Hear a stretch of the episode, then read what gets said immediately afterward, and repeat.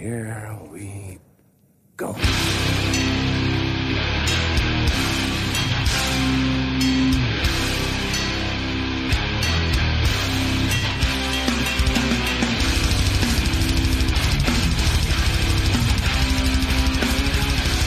Nere på noll, avsnitt 156. Med mig i studion, Pretty Fly for a White Guy, Mark Strömberg. Ja! With the worst hangover ever, David Olsson. Conspiracy One, Erik Olsson. Mäktigt. Youthful Energy Robin. Och jag med både bad habits och low self-esteem heter Daniel Netral. Och ja, ni har gissat det rätt. Vi ska prata om The Offspring. Äntligen. Fan, vart helt andfådd den jävla ranten. Vilken mäktig på. Det här är väl lite av kanske inkörsport eh, till två generationer egentligen punkfans, både med plattan Smash som kom 1994 och eh, den senare plattan Americana som slog igenom extremt stort och satte Offspring återigen på den absoluta värld världskartan. Men det var ju du Mark som hörde av dig. Men vi måste göra ett Offspring-avsnitt. Vad tänkte du? Men det är ju för att det är en av de här banden eh, som jag har haft som bara har varit där liksom hela tiden, som jag märker att ibland när man dippar in på, jag, jag kan prata sådär om Foo Fighters också, men när det kommer till Offspring så finns det, det är, en, det är ett sånt band som jag älskar så jävla mycket för att de har funnits så länge, men det är också ett band som är exakt lika roligt att prata om alla fel som de gör. att de liksom inte känns så pass heliga att man inte kan prata om alla aspekter av dem. Det tycker jag är alltid bra diskussion, för på samma sätt kan jag prata om Nirvana och, och, och Foo Fighters. Typ. På ett sätt som jag inte kan prata om Earth Crisis, det är alldeles, jag, kan, jag har svårt att säga dåliga saker om Earth Crisis fortfarande. Men Offspring är så roligt, de har funnits med mig. Jag tänkte på det nu när vi sitter här också med, med dig, Erik. Mm. Att både, att jag får prata om ett av eh, de banden som jag haft med mig längst, liksom som var typ eh, eh, ett punkband. Tillsammans med någon från, någon som spelar i ett punkband som jag har haft kärt exakt lika länge.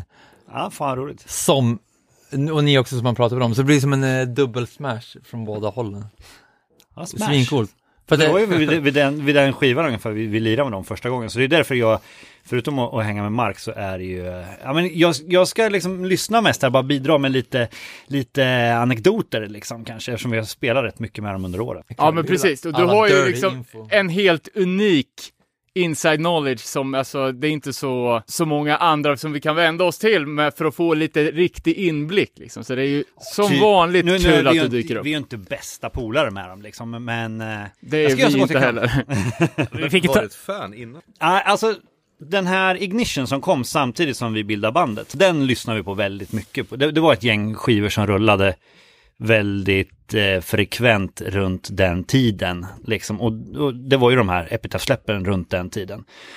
Och den vet jag att vi lyssnar på väldigt mycket. Jag vet inte om vi var så här superinfluerade. Jag tror någon gitarrslen kan ha varit liksom, de kör lite, lite där orientaliska gitarrslingaktigt. Jag vet inte riktigt vilken av våra låtar i så fall. Men det var ju ganska tydligt. Sen tror jag även på den här tiden, jag tror att No Fun At All var väldigt influerat av eh, liksom den Ignition-skivan också. Har fått för mig, inte, det bara slog mig när jag lyssnar på den nu att det låter väldigt tidiga No Fun At All om det där.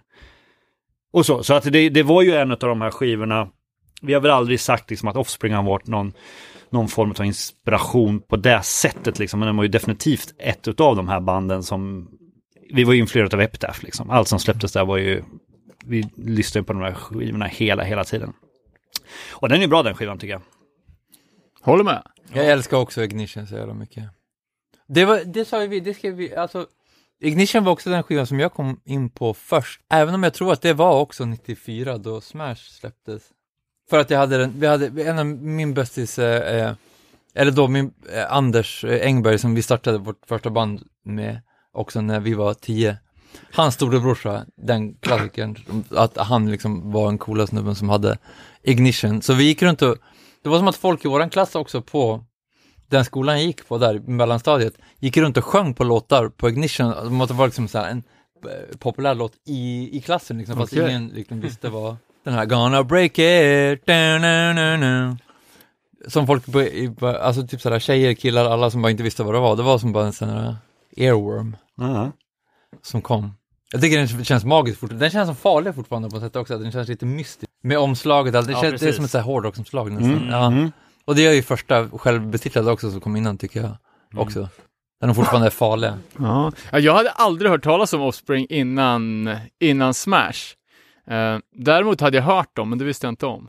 Så, men jag kan inte säga att, ja, hur gammal var jag? Jag var 14 vid det här laget, så jag hade ju liksom ingen inblick heller, men jag tyckte de absolut mest household-banden hade man ju ändå lyckats snappa upp. Jag menar, övriga Ep- Epitaph-katalogen, men Offspring hade på något sätt flugit mig helt över huvudet förrän det ja, men, s- slog ner som en bomb, får man väl ändå säga. Men vilka hade du lyssnat på innan då som Epitaph släpper? Nej men Var- var- Bad Religion, Pennywise, sådana grejer. Okej. Eh, men Offspring, ja, jag vet inte fan. Jag, jag, jag tror första gången jag hörde talas om Offspring var inför när de skulle spela i Sverige. Bergslagsrocken eller? eller? Nej, Eh, det är möjligt att de var påtänkta till Bergslagsrocken, men de, jag tror inte att de spelade där. Det var några gig i Göteborg. Ja, på Musikens hus. Ah, det, ja just det, de spe, ja, vi, vi spelar ju förband till dem på Musikens hus. Vilket Där. år? Mm, 90, kan det vara 94 eller 95? Jag är osäker. Stefan, det var Stefan um, Birdnest. Disno, Disno Ja. Stefan. Han berättade det för mig förra veckan, att han ordnade första Offspring-giget där på Musikens hus. Exakt, ja, honom känner vi väl då. Han, han eh, hade, vi var ju signade med mitt band från Solfager var ju signade på hans Kamel Records också. Så. Ja, men, det, ja, men vi, vi lirar ju där. Ja. Eh, då kom Offspring sent. Vi spelade och de hade fortfarande inte dykt upp. För när de dök upp då hade de blivit tagna i tullen. För På deras- grund av dreadlocks. Eller rastaflätor. Antagligen på grund av deras, eh, deras ljudtekniker, en, en dansk som heter Adam som åkte med alla, han åkte med NoFX, Pennywise eh, och, och alla de här bokningsbanden där på den tiden. Och han rökte ju liksom Maja hela tiden. Så att de hade blivit tagna eh, från när de åkte in med bussen från Danmark till Sverige och fått liksom den här full on treatment med, med plasthandskar på liksom den. så de var på så sjukt dåligt humör. Så jag minns här att vi tyckte, vad fan vad diviga de är, de säger inte ens hej liksom så här. Vi minns att vi, att vi, vi tänkte då så här. De är svindiviga och de, alla haltar. Ja, lätt framåt, stupa, gående. eh, nej, så de, de var på så sjukt dåligt humör och eh, lirar, lirar det där gigget. Stämmer ryktena, eh, som Stefan säger, att svetten rann på väggarna? Ja, men det var ju tyvärr slutsålt det där stället. Men det är inte så stort väl? Nej, det tror jag inte. 200 pers kanske? Nej, lite större va? Rätt hög scen, kvadratiskt rum jag för mig. Musikens hus, källaren. Jag vet inte. Musikens hus. Jag vet inte om den är källare. Nej, men det var väl på, inte på källar. Eller? Ja, man går ner en trappa i alla fall, om det är det jag tror att det är. Nej, men det måste vara, det måste vara större alltså. Det här måste ju tagit minst... f- Jo, men vi, det här spelar vi sen själva några gånger också. Jag tror Okej. det tar typ så 600-700 pers eller någonting. Okej, okej. Eh, Jo, men det måste det ha gjort. Ja, men absolut 600-700 pers. Men vad fan, det, var det du som berättade det för mig Danne? Eller var det någon annan som sa det här att eh, ni hade varit, jag trodde det var Offspring just att ni var påtänkta att vara förband men att typ Slapshot hade kickat av er från det. Nej men jag, jag, tro, jag trodde det var, på, jag har för mig att Millencolin skulle ha spelat, för att vi pratade lite om att det här nya bandet Offspring som vi hade fått reda på typ samma vecka skulle spela i Sverige. Ja. Och favoritbandet Millencolin skulle vara förband. Yes, två flugor i en smäll. Men sen att Millencolin inte skulle få spela för att Guttermouth skulle vara intvingat förband. Ah, och Guttermouth då som precis hade signats på Dexter Hollands skivbolag Nitro, Nitro. Records. Att det var att det var någon sån abrovink. Men då kanske, ja, Det- uppenbarligen ja, att ni det- spelade. Det om det var gigget där. spelar vi i alla fall. Det är så mycket vet jag. Men sen kan det ha varit, vi, alltså de där banden återkommer ju ganska. Vi spelade så här två förbandsgig till Bad Religion i samma veva och allting. Det kan ju ha varit någon sån där. Och, och de varit väldigt stora. Som Bad Religion spelade vi förband till utomhus i Uppsala. Liksom var ju så här, Ja just det, när Bad Brain skulle ha spelat. Ja, exakt. Det var ju jättestor publik, det var väl så här 5000 publik i alla fall.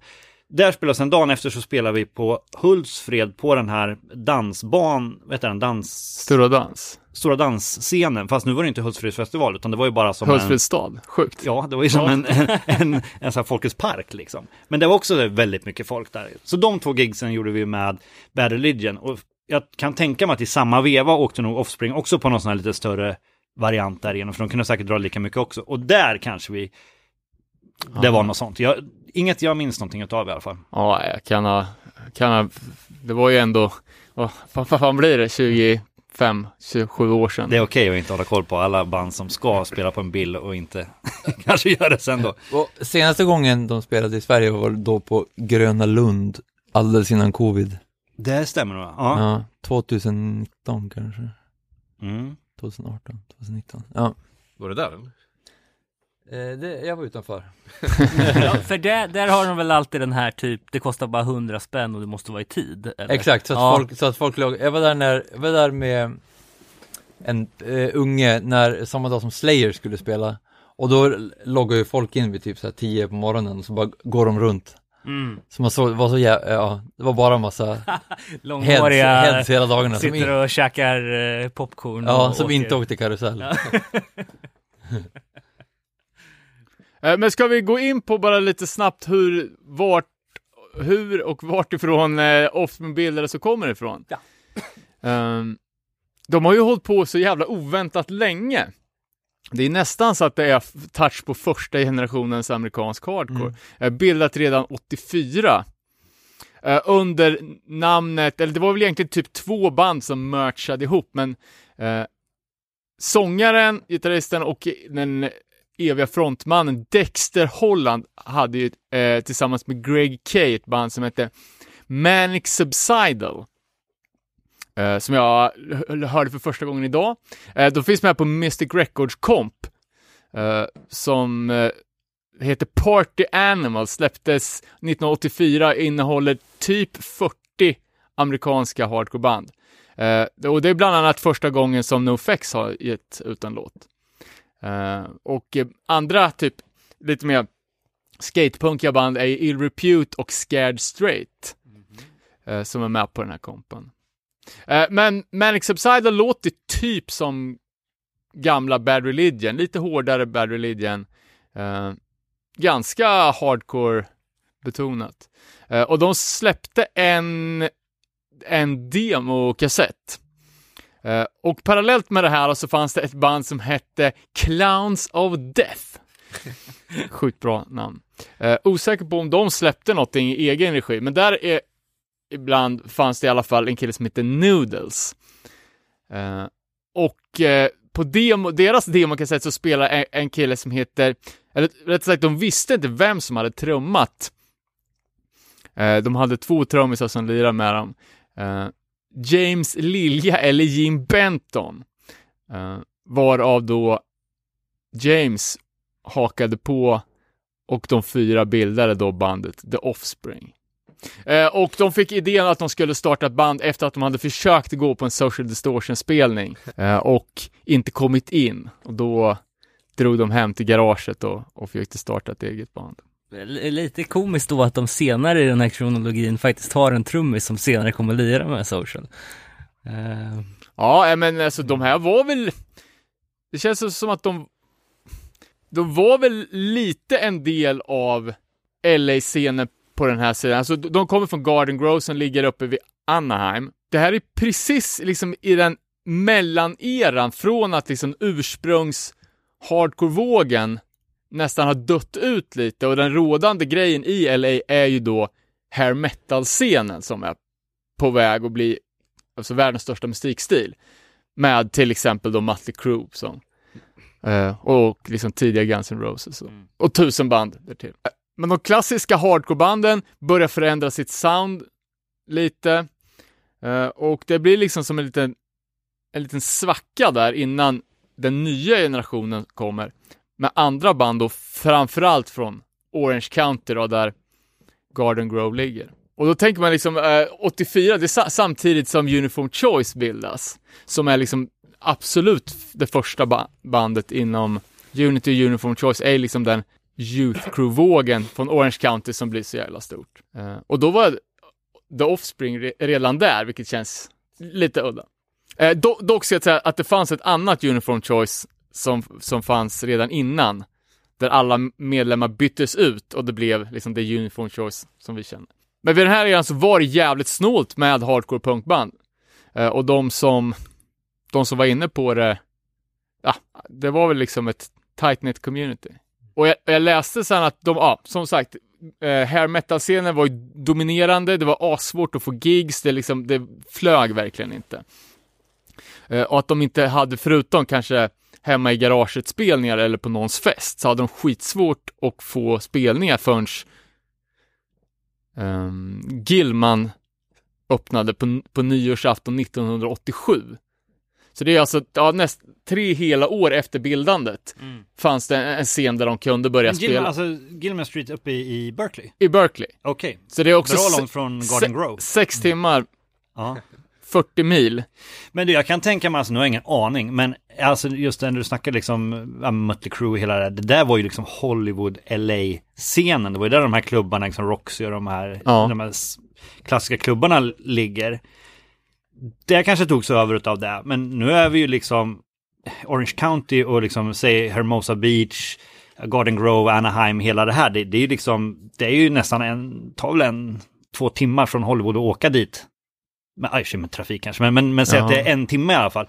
Så där kanske den här scenen då ändå fanns, liksom, fast de fick inte spela på klubbarna i Hollywood. Sen kanske det inte fanns så mycket klubbar nere i Anaheim. Ingen aning. Nej, men jag tänker också att eh, de, de, de bästa banden fick ju spela på liksom Sunset Strip. Ja. Medan de ruttna banden, som fortfarande var hair metal, fick harva ute på ja, men, Her- Hermosa Beach och Ja. liksom li, mer i, på kvarterspubbarna. Säkert. Ja men så, så Gilman Street alltså, det det har varit stort för, för Offspring. Ja, det verkar ha varit de, deras Ja. startskott liksom. Okej. I den dokumentären, de nämnde väl inte ens Offspring då? Ja, Gilman. Ah, jag kommer fan inte ihåg. Det borde de ha gjort eftersom Offspring är fast- Offspring. Ja, Fast det är också lite talande med tanke på vad Offspring har för status bland de där banden som, ja men är mest kända från 90-talet Ja. och innan liksom. Om man ser till, de nämnde ju namedroppa till exempel Green Day och, och sådär. Och det finns väl en anledning till det då. Jo, men Green, de är väl från Berkeley? Och de bodde väl på... Jo men de, på, de var ju så household. Ja, på så- Gilman, de var väl liksom hangarounds där. Det kan ju inte Offspring omöjligtvis ha varit för att köra sex timmar för att vara hangaround liksom. Nej men precis så att liksom Rancid eh, och Operation Ivy, att de liksom gick ut med soporna på morgonen innan de drog sig... Det gjorde på, inte Dexter. Han, Nej. han, bidrog inte med, med avfallssorteringen alls. Det där kanske vi kan, ska vi, ska vi ta det nu eller ska vi komma in på det sen, just det här med ryktesgrejen? För det är en speciell grej med Offspring. Vi kan ta, vi kan ta det lite senare när, vi, när det handlar om Smash. eh, En Ja, cliffhanger nu alltså. Ja, förlåt. Ja. Fan vad proffsigt, det märks att du har jobbat på radion alltså. Ja, nej men cliffhanger, nej precis, för ryktespridning, det är här, nu är vi liksom i läget där det är totalt motsatsen. De kommer ingenstans. Ingen varken bryr sig eller sprider några rykten om The Offspring. Mm. 86 så släpper de en tvålåtars sjua som de självfinansierar och som de, ja men de försöker väl sälja liksom på sina gigs. De drar 30-40 pers och harvar på. Eh, Men redan här så låter det jävligt mycket Offspring. Eh, först öppnar låten med ett, alltså ett skitkonstigt 60-tals rockparti innan de bryter ut till liksom, ja, men jävligt klassiskt Offspring-sound. Eh, och här tänker man ju, eller man hör direkt att det är så jävla mycket uh, TSOL-inspiration. Eh, Och nu pratar vi om I'll be waiting. ja. Ja. Eh, Två låtar, precis. Och redan där liksom så hör man det att de, de försöker ju kopiera TSOL. Och de liknar dem så jävla mycket för att Dexter Holland också låter jävligt mycket som Jack Grissom på rösten. Och de har liksom samma sångstil. Att det inte är så mycket sjunga ut i ton, utan det låter nästan som att de pratar över musiken på något sätt. Um, samtidigt som att det är lite gloomy vibes över det hela. Och runt, runt den här tiden så började ju de skicka demos runt till alla bolag och till Brett också för att Epitaph var liksom ändå oasen då i den här eh, musikklimatet som är där på kusten. Men han gillar ju inte dem då. Brett han är liksom inte, han tror inte att han kan ta in dem och, och kicka igång dem som han är. Så att han hjälper dem, han hjälper dem och, och eh, få kontakt med bolaget Nemesis. Okej, det var på den vägen från alltså. längden. Ja, medan han liksom håller ögonen kvar på dem Mhm. för att kolla hur det går för dem. Men men det blir nästan som att han, det blir, vad, vad säger man, när, när man äh, tar någon liksom på, när man, när man Mentor, spelare mentorskap. på. Ja, men typ. Eller liksom på, på prov nästan. bara Jaha, håller liksom men jag tar dem eh, på option typ. Ja, typ. Ja. Ja. Eh, och håller Nu ögonen snackar vi på den här första skivan då, den här Ja, första. Eh, innan själv- Ignition då? Självbetitlad. Ja, Självbetitlad? Ja, Ja, okej, okej. Så han var, hade ett finger med i spelet där i alla fall, Brett. ja, precis. Höll, höll koll på dem ändå. Ja, ja och, och Nemesis Records är ju det är drivet av Big Frank Harrison som, från den liksom mer hardcore-scenen. Eh, och de släppte ju, eh, jag tror Nemesis Records släppte 50 plattor totalt under, alltså det var ganska nytt när Offspring hamnade på den. Eh, Det kom en bok om det ganska nyligen, visst? Ja, det, finns, det finns en bok. Den har några år på nacken. Ja. Eh, och den boken är ganska roligt för att man kan ju tänka att Offspring är ju det i särklass största bandet som någonsin har haft någonting att göra med Nemesis Records.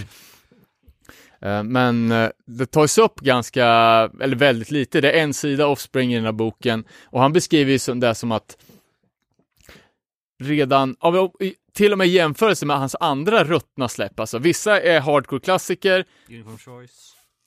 Ja, ja, men han har ju liksom bra vision, alltså det, det, finns, det finns en hel del. Eh, men hälften av släppen är ju superobskyra skitband som liksom inte kom någonstans. Men han beskrev det så, Offspring-LPn, det var en av mina absolut sämsta grejer. Eller sämst säljande plattor. Eh, det var inte ens på tal om att göra den på CD för att den sålde så jävla dåligt. Eh, och att han till slut, eh, han kunde inte längre sälja in den till butiker, wholesale, utan han fick gå till butiker och sälja nya skivor begagnade för att bli av med dem. Jobbigt läge alltså. För att, vara ett sånt motarbetat band med sitt första släpp.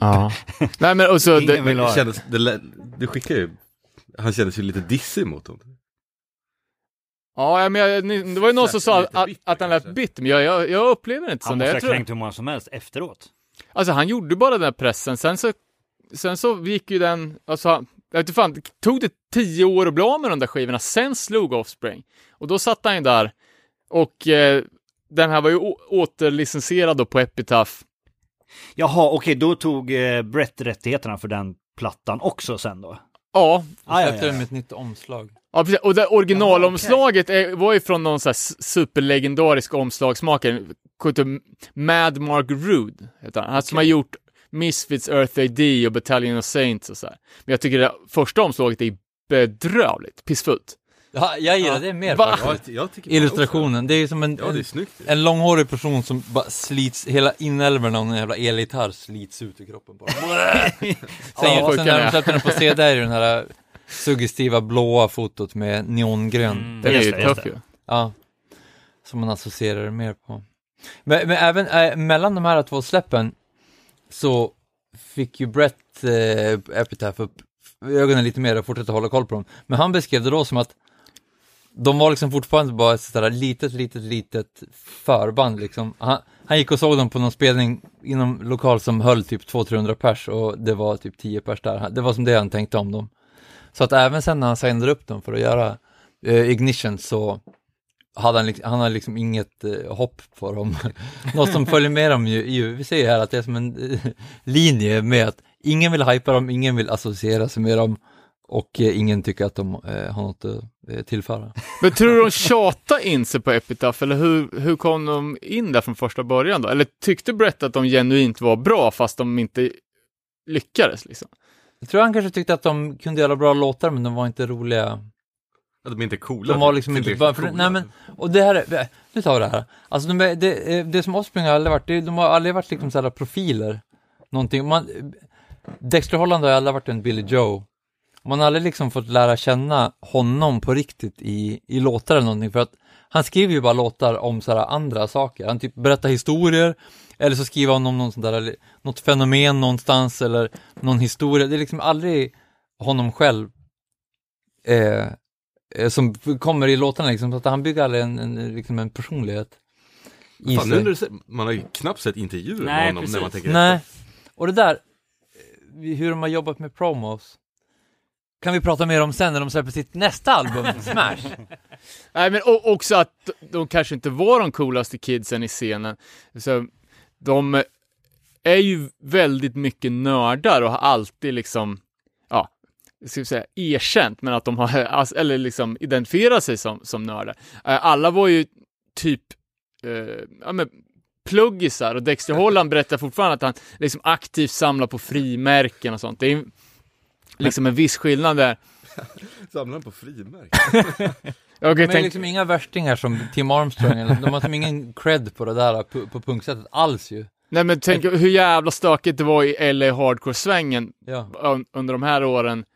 Liksom till och med liksom pappa PMA, Pat Dubar från Uniform Choice var ju känd för att typ slå ner folk med stolar och liksom kompletta dårar. Tatueringar.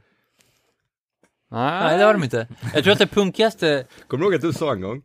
Varningsklockorna slår ut när hardcoreband inte har tatueringar. jag tror att det, jag tror att det punkcreddigaste som de kan eh, föra sig med är att eh, gitarristen eh, Noodles eh, jobbade som vaktmästare på en skola ända upp tills efter att Smash hade blivit en hit. Ja. Det var där någon gång han tänkte att bara, okej, nu, nu är jag miljonär. nu kan jag slänga in nyckelknippan. Nej, Men, nej, men ja, alltså det, där, det där har man ju märkt under åren. De, är ju extremt eh, rätt tråkiga individer alltså. Det är, det är Noodle som är jäkligt trevlig och, och rolig liksom. Och, och Dexter är väl också den här basisten, han är den mest intetsägande människa jag träffat i hela mitt liv alltså. Ja, är helt, Ja, han, han alla är helt tom. Ja. Och det är bara kolla på den robotsvängen han har med basen på scen. Han går ju som en pendel, tick, tick, tick, tick, fram, och, fram och tillbaka liksom, rör sig eh, 20 grader kanske, fram och tillbaka, eller han kanske kommer upp till, till och med 40 grader med, med bashalsen liksom.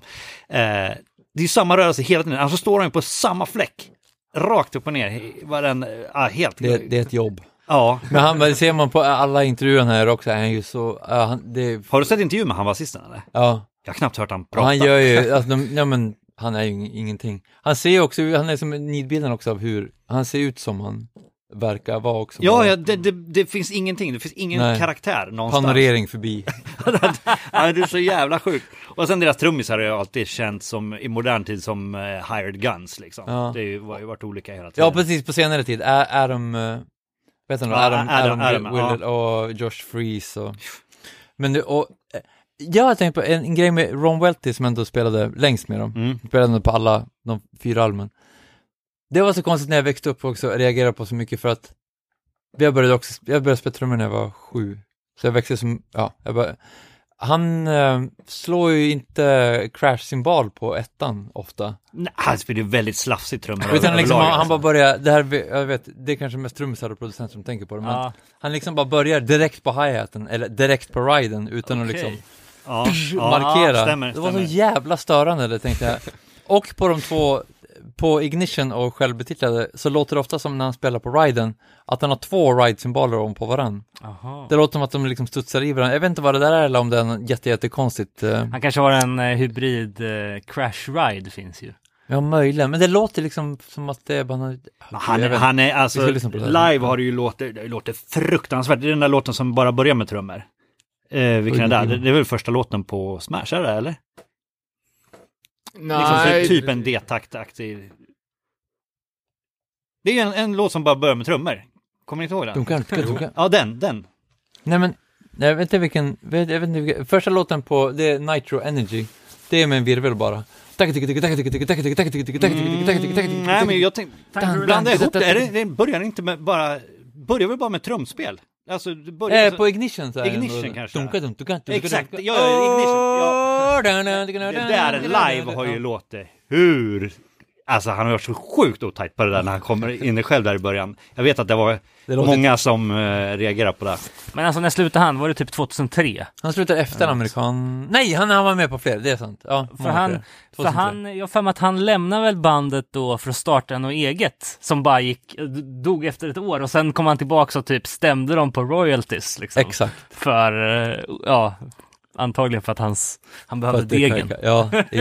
Men han har ju ändå trummat på, alltså det jag skulle säga är Offsprings bästa. De bästa. Liksom. De Och det, bästa. det kanske är... Det, det kanske är en guldkant för dem då att visa att de kunde vara, ändå göra så pass effektiva, bra låtar trots att han s- spelar baklänges. Ja men precis. Jag kan bara säga sista ko- kommentaren jag hade på, på första plattan är eh, låt det första spåret, Jennifer Lost the War, som också sen blir B-sida på Self Esteem.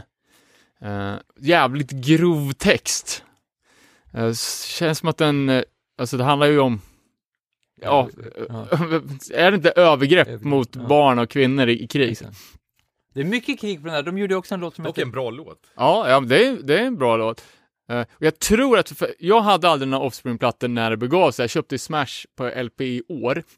Eh, men min brorsa hade, hade, tror jag var Self Esteem singeln. Var första Offspring-plattan som kom in i vårt hushåll. Sjukt också att tänka att han var 10 bast när, när den kom. Men, det är så den låten krig, kommer krigslåtar på den där skivan. En, en låt som heter Teheran. Som sen har blivit omgjord och borttagen och... Ja, är, är inte den på Ignition? Eller var den på Nej, redan? Den är redan där? Ja. Ja, den är ju svinbra också. Mm. Eh, och den släpptes ju sen som, i, när USA lanserade Gulfkriget 91, så släppte ju Offspring låten Teheran igen, en nytolkning under namnet Bagdad. Exakt. Ehm, jag vet inte om det är opportunistiskt eller om det var någon här eh, krigskritik. Men eh, det är ju en skitbra låt. Väl, alltså. det spelar ingen roll, den används ändå av amerikanska armén för att promota, Ja. kan jag säga. Så eh, se, se fram emot eh, singelsläppet 2022, China. Ja, exakt. Offspring ska dega in igen. De, melodin i låten är så jävla bra. Ja, Men allt det här flummet emellan är inte så bra. Ja, jag tycker det är lite coolt. det är coolt. Redan på första skivan också har de ju den här orientaliska Mm, grejerna. Det var det jag fastnade för också, som jag fastnade för med fan Tourettes med Nirvana och Soundgarden som hade mycket orientaliska också. Jag är så svag för det där. Ja, ja, men det kanske är något, något Ja. arv då fr- från grunge. Jag är så dåligt inlyssnad på de, de banden, så jag vet inte riktigt vad de jobbar med. Men för mig har det alltid känts bara, det här är liksom Offsprings lilla USP, att de Mm. har de här grejerna. Ja men absolut. Jag tror att, exakt, de har ju, men de har ju ganska tydliga melodier och, och hookar i sina låtar. Och sen blir det de här knaslåtarna också som, det är genomgående med ganska mycket sådana grejer. Det jag tror det är det som har fått dem att bli stora mainstream också för att de har de här små bra hookarna, bra melodierna, sådär. Ja, ja men Och ja, ibland nästan, ibland kan ju en lite störande grej vara det som gör, ja men som deras intro-grejer. Ja, Eh. ja usparna, för det kan ju också vara Ja, att, det, att det är exakt. sådana störiga grejer Bara någonting en, som man minns liksom. i en hård låt även. Så att Exakt. ibland så, äh, äh, ja men typ äh, måtta. Att de bara har någon jävel som skriker, eller you gotta keep them separated. Det är Ja. som ändå en riktig låt annars. hörde ni var You gotta keep them separated kom ifrån? Nej. Eh, och det, ja, det bygger också lite på att de var liksom töntar och, och, och pluggisar och eh, Dexter Holland är ju den som har kommit längst med studier, men jag tror att det, var, det är flera i, i Offsprings original-lineup som är liksom högt utbildade medicinare. Någon är onkolog, jag vet inte fan vad det är. Dexter Holland har ju nu på gamla dagar också doktorerat som, mm, vad fan heter det? Virolog eller? Nej, virolog, förlåt. Ja, Ja, men typ, Han gjorde det under covid, gjorde klart liksom sin men de, masters. men de, de var ju fortfarande pluggisar och eh, eh, Noodles jobbar ju som vaktmästare också för att finansiera sina studier, så de var ju liksom eh, akademiker eller De har dock inte mjölkat lika mycket som Descendants har gjort. Precis vad jag tänkte säga att, att eh, fan Descendants, det är ju typ 50% av deras karriär är ju att ja, Milo goes to college och att han är eh, men Dexter Holland har ju en likvärdig utbildning som Milo. Och de har också forskat liksom inom medicin. Piloten också. Krävs väl lite Piloten. pluggande där också, ska jag kunna tänka mig. Ja. Ja, ja, verkligen. overachiever. Sen Och, och väldigt, väldigt tidigt på hot sauce-marknaden. Exakt. Så det gjorde han på 90-talet. ja, ja, han har haft det skitlänge den där hot saucen. Det kommer jag ihåg att typ när jag började, man började sitta och, och leta skit på Alta Vista, Mm. när det fanns tre bilder på Offspring. Då kommer jag ihåg att den där jävla hot Ja, fanns. det har funnits så länge, svinlänge. Men de, de har ju någon, här- någon grej för den här mellanöstergrejen, men de har ju också någonting för Mexiko. Ja, Ja. verkligen. Ja. Var Ixnay den on the ombre. Ja. Och allt, verkligen. Men sen måste jag säga, när han som säger you gotta keep them separated. Ja, det var där. det jag skulle Det komma där är till. ju en snubbe som, det var liksom, han var ju med och rodda ända då på Musikens hus. Han kom ju fram och, och eh, ser han är ju även med i videon också, han är ju typ ja, jättenära i videon, man ser honom jättemycket. Sen så mellan låtarna, han står ju även bakom, bakom backdropen och fyller i med gitarr. Han står ju och lirar låtarna. Ja, okej, det var en sån smigis. Som inte många vet om, såklart. Han springer runt som en liksom huvud... Fast jag tror inte han, eh, han är kvar tror jag inte längre. Jag har inte sett han på, på de sista åren. Liksom. Men Han- han, var en jättestor del av bandet. Mm. Måste är ju verkligen vara femte medlemmen liksom.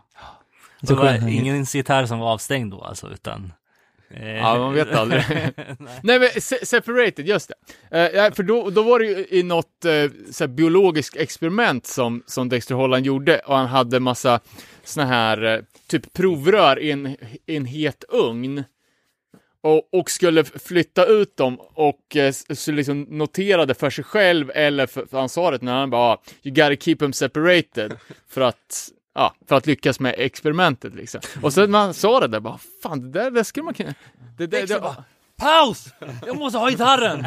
Kuta in i För det är också en sån här återkommande grej. Att de har en liksom en catchphrase eller en gimmick eller någonting som inte har någonting med låten i sig att göra. Ja. För liksom Mm. det, är- alltså, Det gör inte de andra banden ju faktiskt på samma sätt. Green Day Nej. har väl ingen sån grej som liksom är man kan göra typ ett ljud eller ett ord bara som är nej men det är det där, na na na na na Ja. na. Alltså de har sub, uno, dos, tres, quattro, cinco. De har Ja. alltså jättemånga sådana grejer som inte har någonting med låten att göra, men som liksom på ett marknadsföringssätt bara ja. flaggar in i Ja, men det är skallen. som, som man använder en sampling nästan. Ja. Liksom Ja. i andra genrer. Det är liksom deras, det är hook, hookline. Det här är ju en sån här, fan det är en sån här TikTok-grej som du skulle kunna ha gjort flipp på nu. Du har Motta, du har den här She ain't no ball and chain på Me My Old Lady. Du har eh, introt på eh, All- I Want. Na na na na na. det. Också eh, eh, Keep them separated. Eh, Don't pick it up. Den också. Ja. Nej, men efter fem års plugg på halvfart så blev ju Dexter Holland klar med sin ja, PH heter det, det är samma sak som PhD, det är väl en doktorsgrad i molekylär biologi och han har sedan dess forskat på, ja med aids, hållit på med aidsforskning. Finns ett ganska bra podcastavsnitt av eh, eh, han som drev Nerdist förut, Chris Hardwick. Han startade en podcast efteråt som heter IDIOT, ID10T, tror jag Okej. stavas. Där med Dexter Holland från en massa år sedan. Där han pratar ganska mycket, den nästan huvuddelen av avsnittet handlar om hans eh, forskning. Om man vill leta upp det. Det är intressant. Så han har hållit på med den här forskningen under Offspring-karriären alltså? Ja, parallellt. Och det är Parallellt. därför som de inte har släppt så mycket skivor de senaste, alltså förutom den senaste som kom förra året, så var, var det ju tioårsglapp liksom. Ja. Nej, och sen så är det, alltså de är ju så stora så att de gör ju headline-festivaler liksom i Europa, kanske gör en vecka på sommaren och sen så gör de Ja. hit och dit och dit och där. Men det är ju alltså det, alltså, det finns ingen anledning för honom och liksom hålla på och lägga fem år, visserligen då på halvfart. Nej men jag menar, han, han, han tyckte väl att det var lite drygt att han aldrig han gör klart sina studier för att han hoppade av när Offspring tog fart i och med Smash. Och sen så då, då kunde han, fick han en, en chans att göra klart studierna.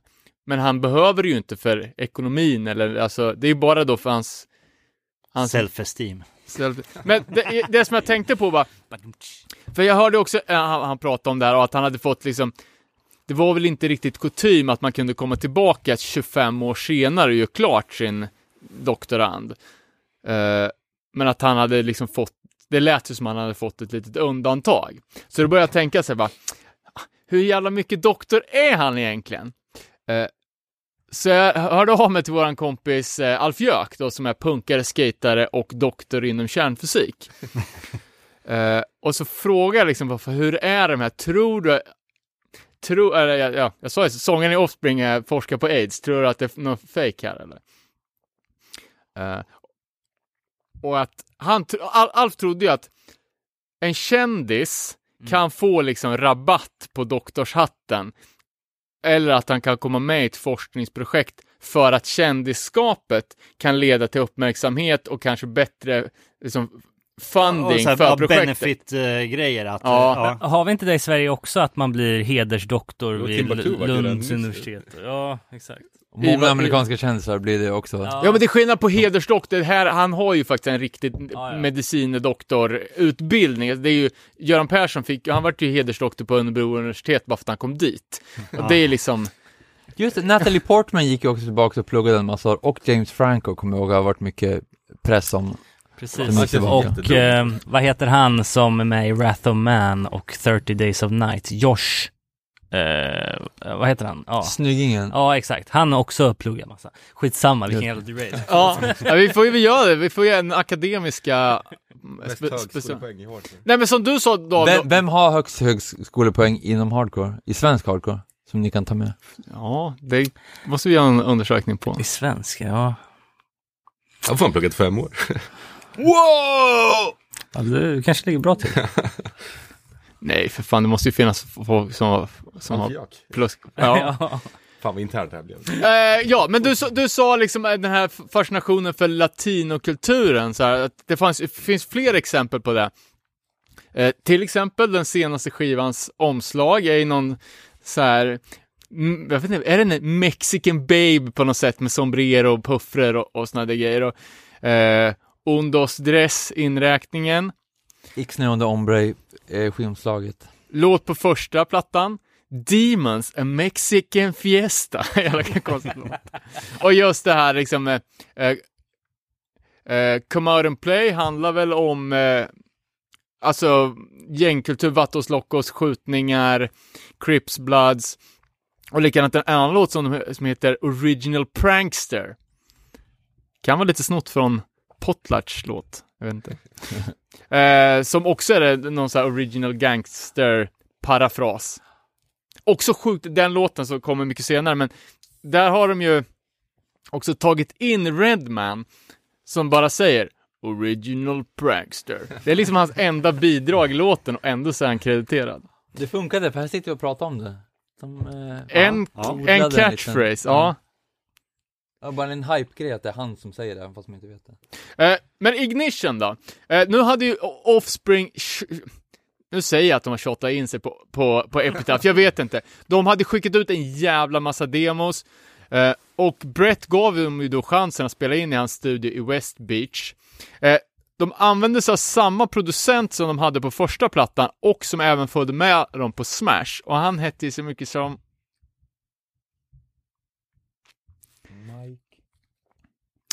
Då ska vi se, det är kul Det med... är inte han som eh, snackade om här, Keep 'em separated-mannen. Eh, den killen heter Tom Wilson. Eh, och det var tydligen, jag känner inte igen namnet, men det är ju en här klassisk LA hardcore-producent som har jobbat med typ tidigare Adolescents, Vandals, eh, TSOL, alla de banden som släppte det, på det, Frontier. någonting, alltså jag kan vara helt ute och cykla här, men någonting säger mig att den här snubben även, att nu, det slog mig att han kanske även hade spelat in dem. Han, Keep 'em separated-mannen då. Eh, ja, Tim Låter det vara Wilson. osagt, ja. men eh, någonting Tom säger mig att jag hört någonting om att han varit inblandad i produktionen också. Jag vet inte, kan vara han. Alltså, inspelad i alla fall eh, hos, eh, hos Brett med den här killen. Eh, och eh, Epitaph var väl liksom på uppgång generellt, men det var ju liksom några år innan den här Epitaph-explosionen. Eh, men de pumpade ut 10 000 ex av Ignition ganska omgående.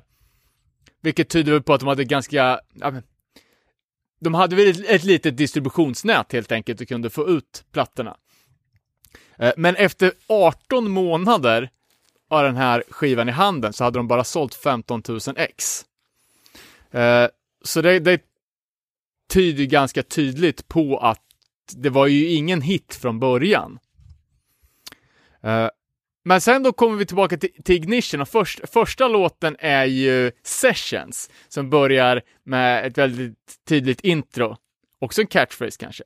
Fuck, fuck, fuck, fuck! Som, där har fak- vi det, den där Ja. jag menade. Ja. Ja. som faktiskt är den första Offspring-låten som jag hörde, fast jag inte visste om det. För då på massa snowboardfilmer och, och skateboardfilmer. För den, ja, precis. För den här är då med i, på Plan B's Virtual Reality. Just det. Eh, och eh, Plan B var ju då, det var ju uppföljaren till H Street. Det var i princip det största, hetaste skatemärket på den här tiden. Eh, och för varje film som de släppte så vart det liksom en, alltså next level revolution. Så de här filmerna var ju alltså jätte, jättestora i skateboardsammanhang. Eh, och eh, Offsprings låt är med i den här filmen då under den så kallade slam-sektionen. Eh, vilket, jag är ingen skatefilmshistoriker, men det känns som att den här, den slamfilms, den är liksom episk.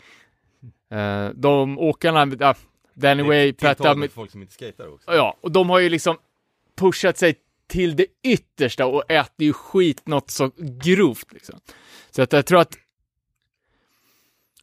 eh, det pratas ju om att eh, att det började ta lite fart efter Ignition eh, på Smash. Eh, och den här skatefilmen då kom ju då eh, slutet på 93. Så Vad sa du, efter ignition på Smash? sa Nej, men farten började ta efter Ignition på, i början av Smash. Ja, Eh, och det känns som att kanske att de hade låt, låtar med på Plan B-filmen och på lite andra eh, större skatefilmer. Eh, kan ha varit en, en grej som gjorde att det började komma igång. Liksom. Eh, för, för som sagt, efter 18 månader så hade de sålt 5000 ex förutom det som gick ut på, på pre-order.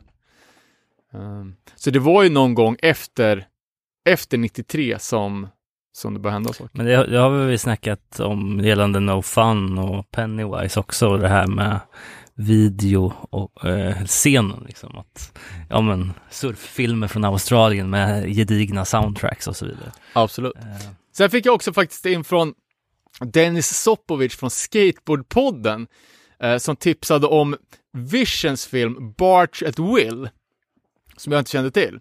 Eh, han beskrev den som den bortglömda Vision-filmen, Vision Streetwear. ja, som kom 89. Okej.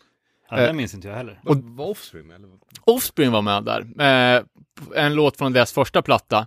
Eh, men även Uniform Choice och Reason to Believe. Eh, det var ett litet sidospår, men det var även Offspring-relaterat. Sen den här låten Sessions då, som, alltså nu har ju eh, Ignition-plattan sålt i över en miljon exemplar.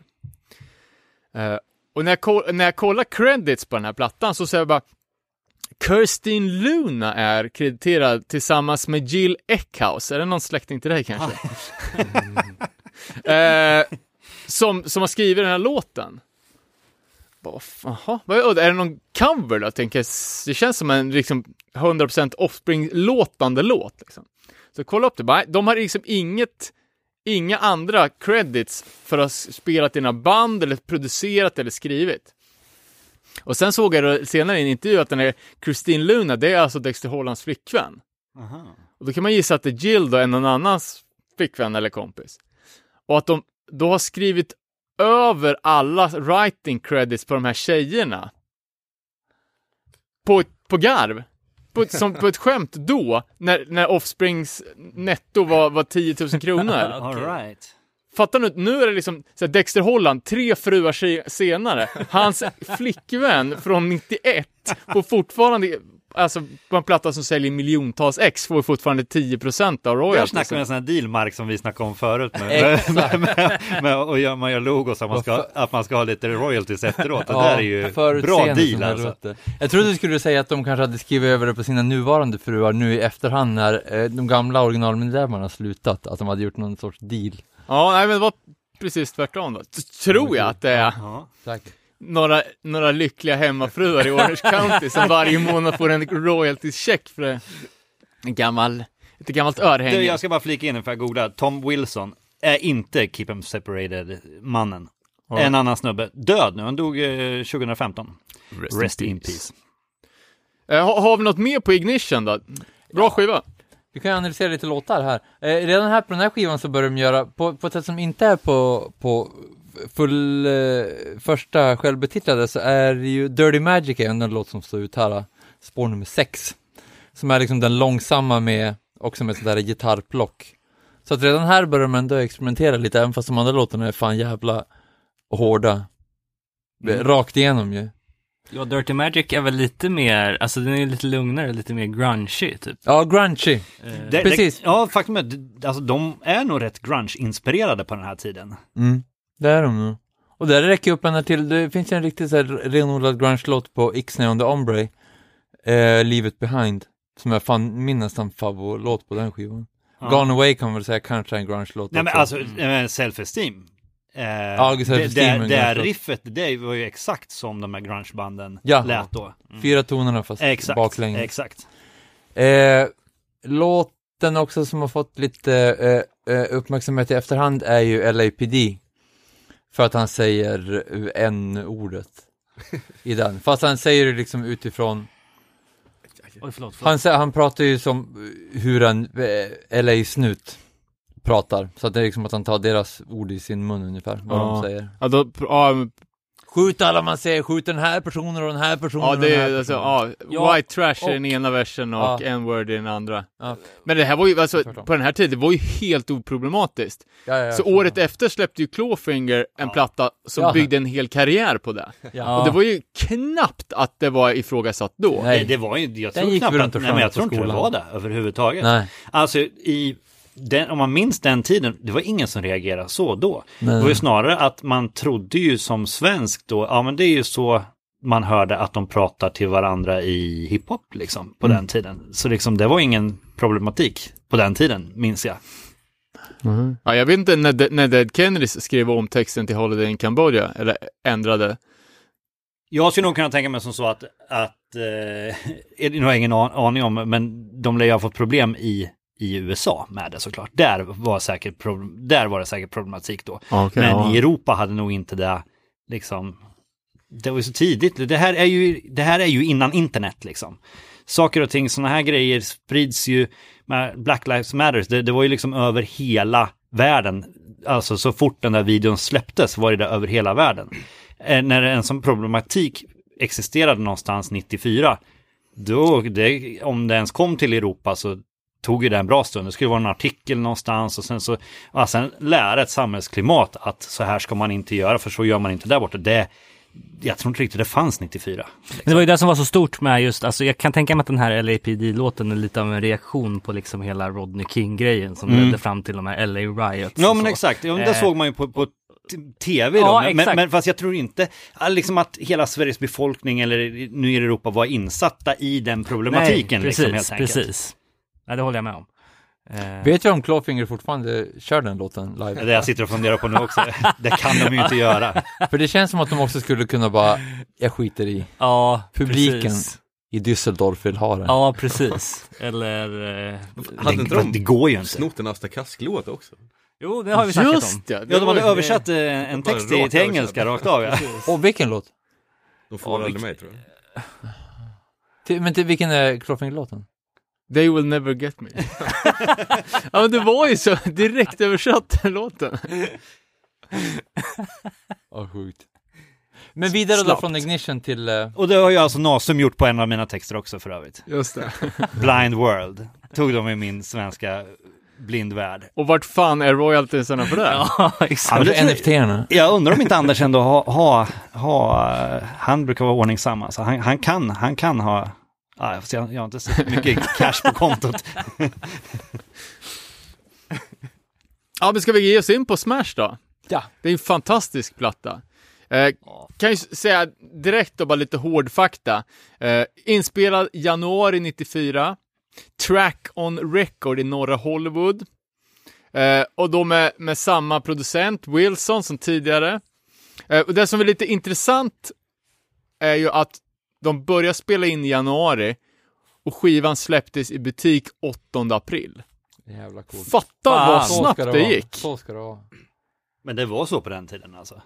Men det, det känns helt jävla galet. Ja men alltså en, ja men det, det, var väl, det var väl ungefär som våra skivinspelningar på den tiden. Ska jag kunna tänka mig, lite, lite mera kanske. Men, men säg att de var i, i studion i tre veckor. Sen var det bara datten in till, eh, in till presserierna och köra igång och sen så få ut den liksom. Men inga marknadsföringskampanjer, inga Det singlar, hinner de nog med de sista, liksom, sista månaderna liksom kanske.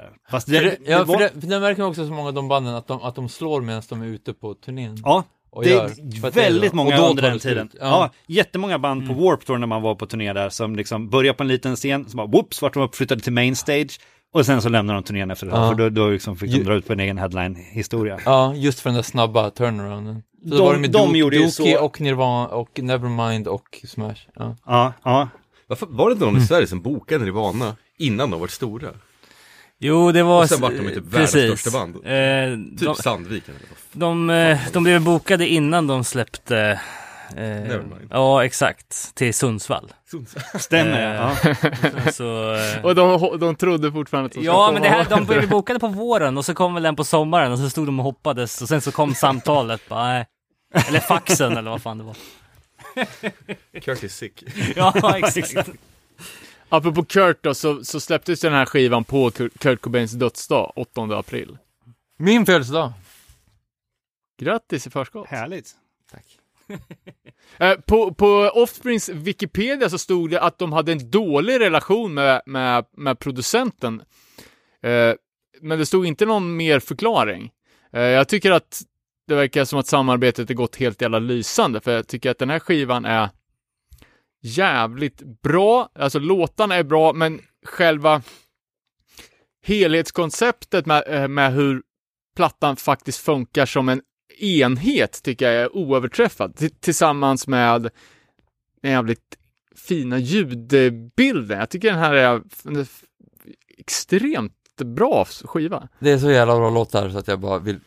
Men Slå Ignition är ju typ inte hitlåtar. Det här är ju typ hitlåtar, Ja. allting. Här har han lärt sig hur man skriver liksom nyn, nynlåtar. Verkligen. Störigt intro dock. Ja, ta- Time to ah. relax. Ja. It's time to relax. You know what that means. Glass of wine, Favorite, favorite easy chair, and of course, your favorite compact disc playing on your home stereo. so go on, indulge yourself. That's right. Kick off your shoes, put your feet up, lean back, and just enjoy the melodies. After all, music soothes even the savage beast. Erik, trumintro! jag önskar jag kunde trumma som han. Ja, bra jobbat Max, imponerande. riktigt, riktigt bra. Jag kan köra alla intron nu från och med nu. Alltså jag, jag har alltid trott att det där var Henry Rollins. Jag vet inte varför. Är det för att, du, för att det är Jello på nästa? Man tror att det är någon hit på alla. Ja, nej men jag, jag, jag, jag, ja, det är ändå jävligt coolt att de hade Henry Rollins på introt. Jag har tänkt det hela tiden. Tills nu, alltså inför det här som jag tänkte, fan det där låter inte dugg som Henry Rollins, för konstigt. Och, så Och kollar vem jag upp- då? Nej, John Mayer, någon poet typ. Nej, inte sångaren. Nej. Sa- Eller sångare kanske, jag vet inte. Som sångaren. Jo- John Mayer. Inte han. Men han är Nej, väl inte. Det är det gitarrvirtuosen. Som nu spelar i, i nya The Dead, Grateful Dead, The Dead-grejen. Eh, får jag också påpeka en grej om Nirvana? Eh, Kurt Cobains, eh, eh, eh, han hittades ju den åttonde, men han, jag tror han sköt sig innan. Ah, Okej. Ja, skitsamma. Men eh, första singeln från Smash är ju roligt, för att det, det första singeln han släppte var väl eh, Away? Jag tror att Self-Esteem kom först, men Ja, jag är förlåt, osäker. För jag, jag har hört, jag har hört att eh, Come Out and Play vart den första hit-singeln. Mm. Men någonstans i flödet har jag läst att Self-Esteem kom först.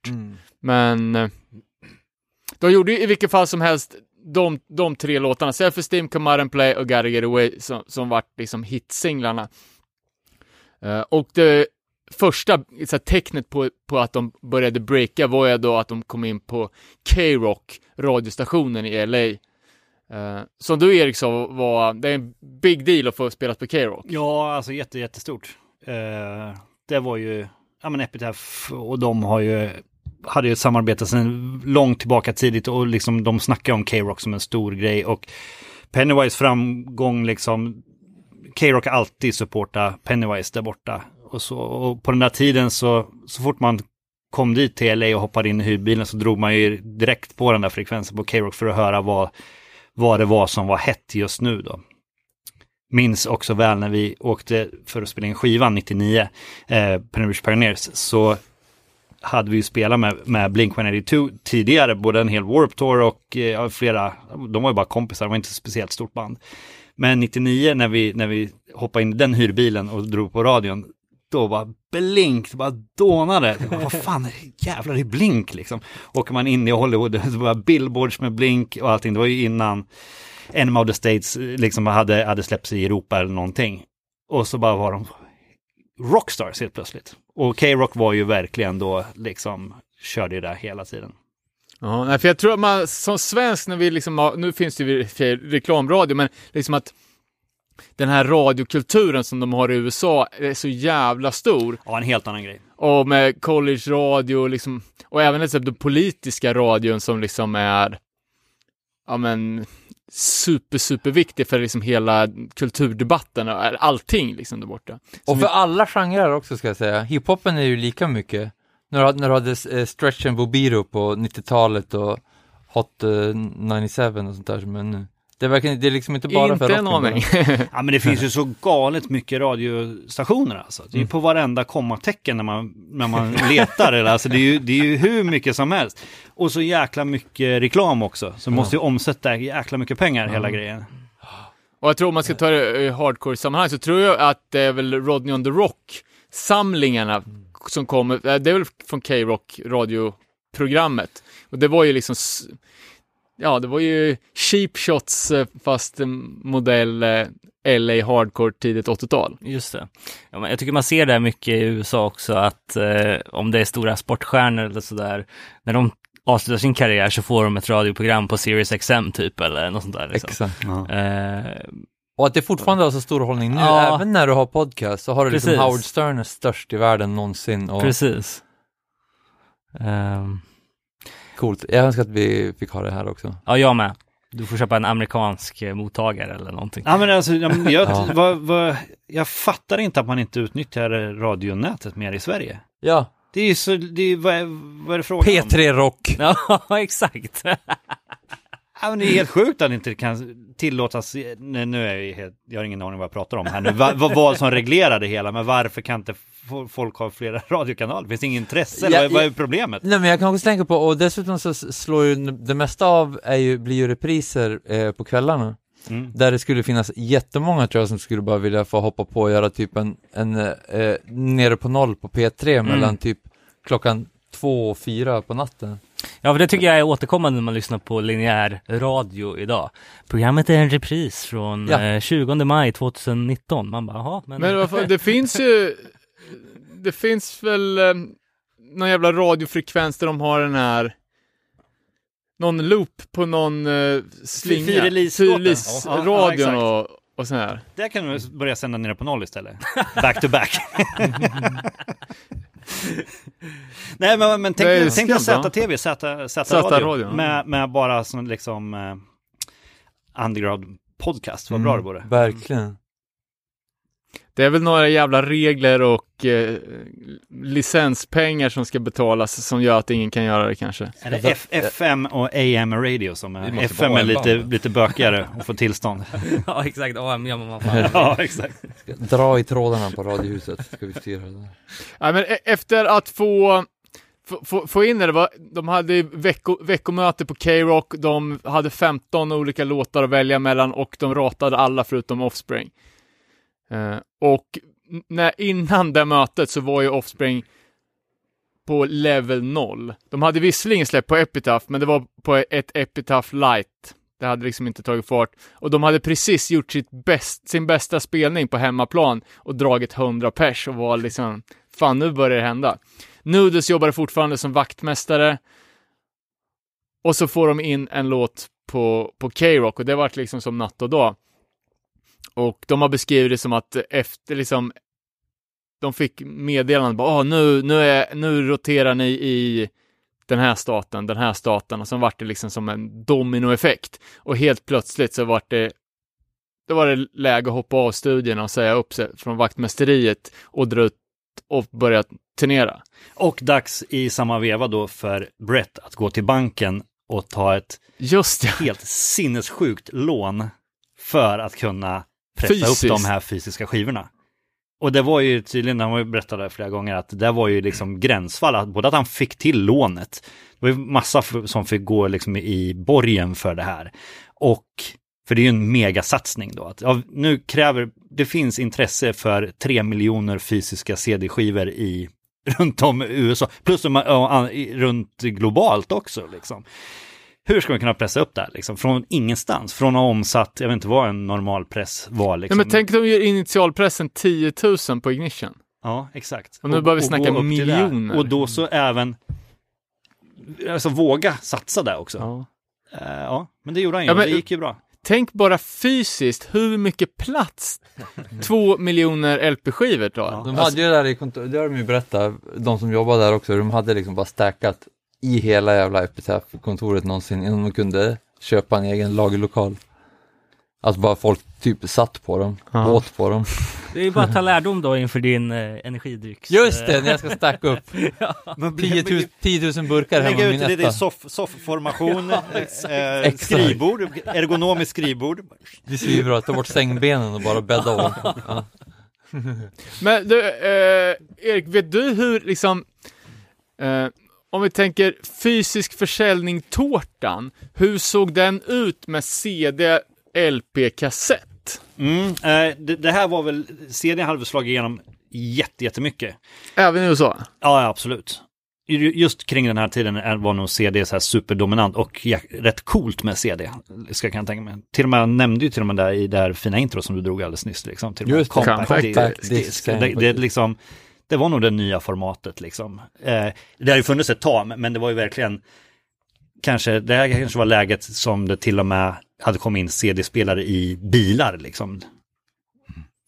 Eller vad fan snackar jag om? Det, alltså man hade ju den där Walkman hade man ju innan. I och för sig, jag Ja, jag köpte min första CD 90 och det har ju alltid sagts att USA var ganska mycket efter De var efter för, för att vi var ju förvånade över att våra skivor kom på kassett där borta liksom. Ja. För det, det fanns ju inte överhuvudtaget i, i Europa. Nej, Nej men för kolla, för Ignition, alltså jag tror att Ignition släpptes på 30 pressar på kassett, en CD, en LP första åren liksom. Så Ja. att, Ja, jag, jag, jag låter det vara osagt, men, men jag, jag tror att, men känslan var väl att CD var, var väldigt hett, hade liksom blivit liksom sista två åren kanske, säg att det var så då i USA, att Ja. då hade det verkligen ja, det ta, tagit över. Så Ja. att liksom CDn var grejen och sen så kassett var väl, var väl utdöende ändå. Det max 10, 5% kanske. Och sen så kanske 10% LP skulle jag tippa på. ja, men, Så, men så känns det som, om, alltså för jag har ju varit på deras warehouse i alla fall och då var det ju, det var ju inte många vinyler man såg där. Nej. Det, känd, det var ju extremt ohett. Och hur stort var det warehouset skulle jag säga? Nej, men nej, jag säger fel. Det, det var inte warehouse utan jag var ju, det, nu snackar vi Epitaph-kontoret. Ja, Nej, de hade ett annat warehouse såklart, jag sa fel. Eh, Men så egentligen var det väl egentligen kanske promogrejerna jag såg då. ja. Men det var ju ändå ett bra stort lager. Ja, man kan ju tänka liksom, alltså, okej att vinylen är lite mer, men ändå ett par miljoner CD-skivor är ju, Ja, men det, det, det, Det det, alltså de fick inte plats med hela Offsprings press på där jag var. Utan det fanns nog ett warehouse också. och det har ju slängts ut lite olika siffror, det har väl klart ändrats genom året, men åren, men eh, jag tror att den har sålt sex gånger Platinum i USA, 6 miljoner ex på den marknaden och har hört eh, 11, 13, 16, till och med 20 miljoner totalt. Eh, och den är ju, Jag måste vara 40 miljoner.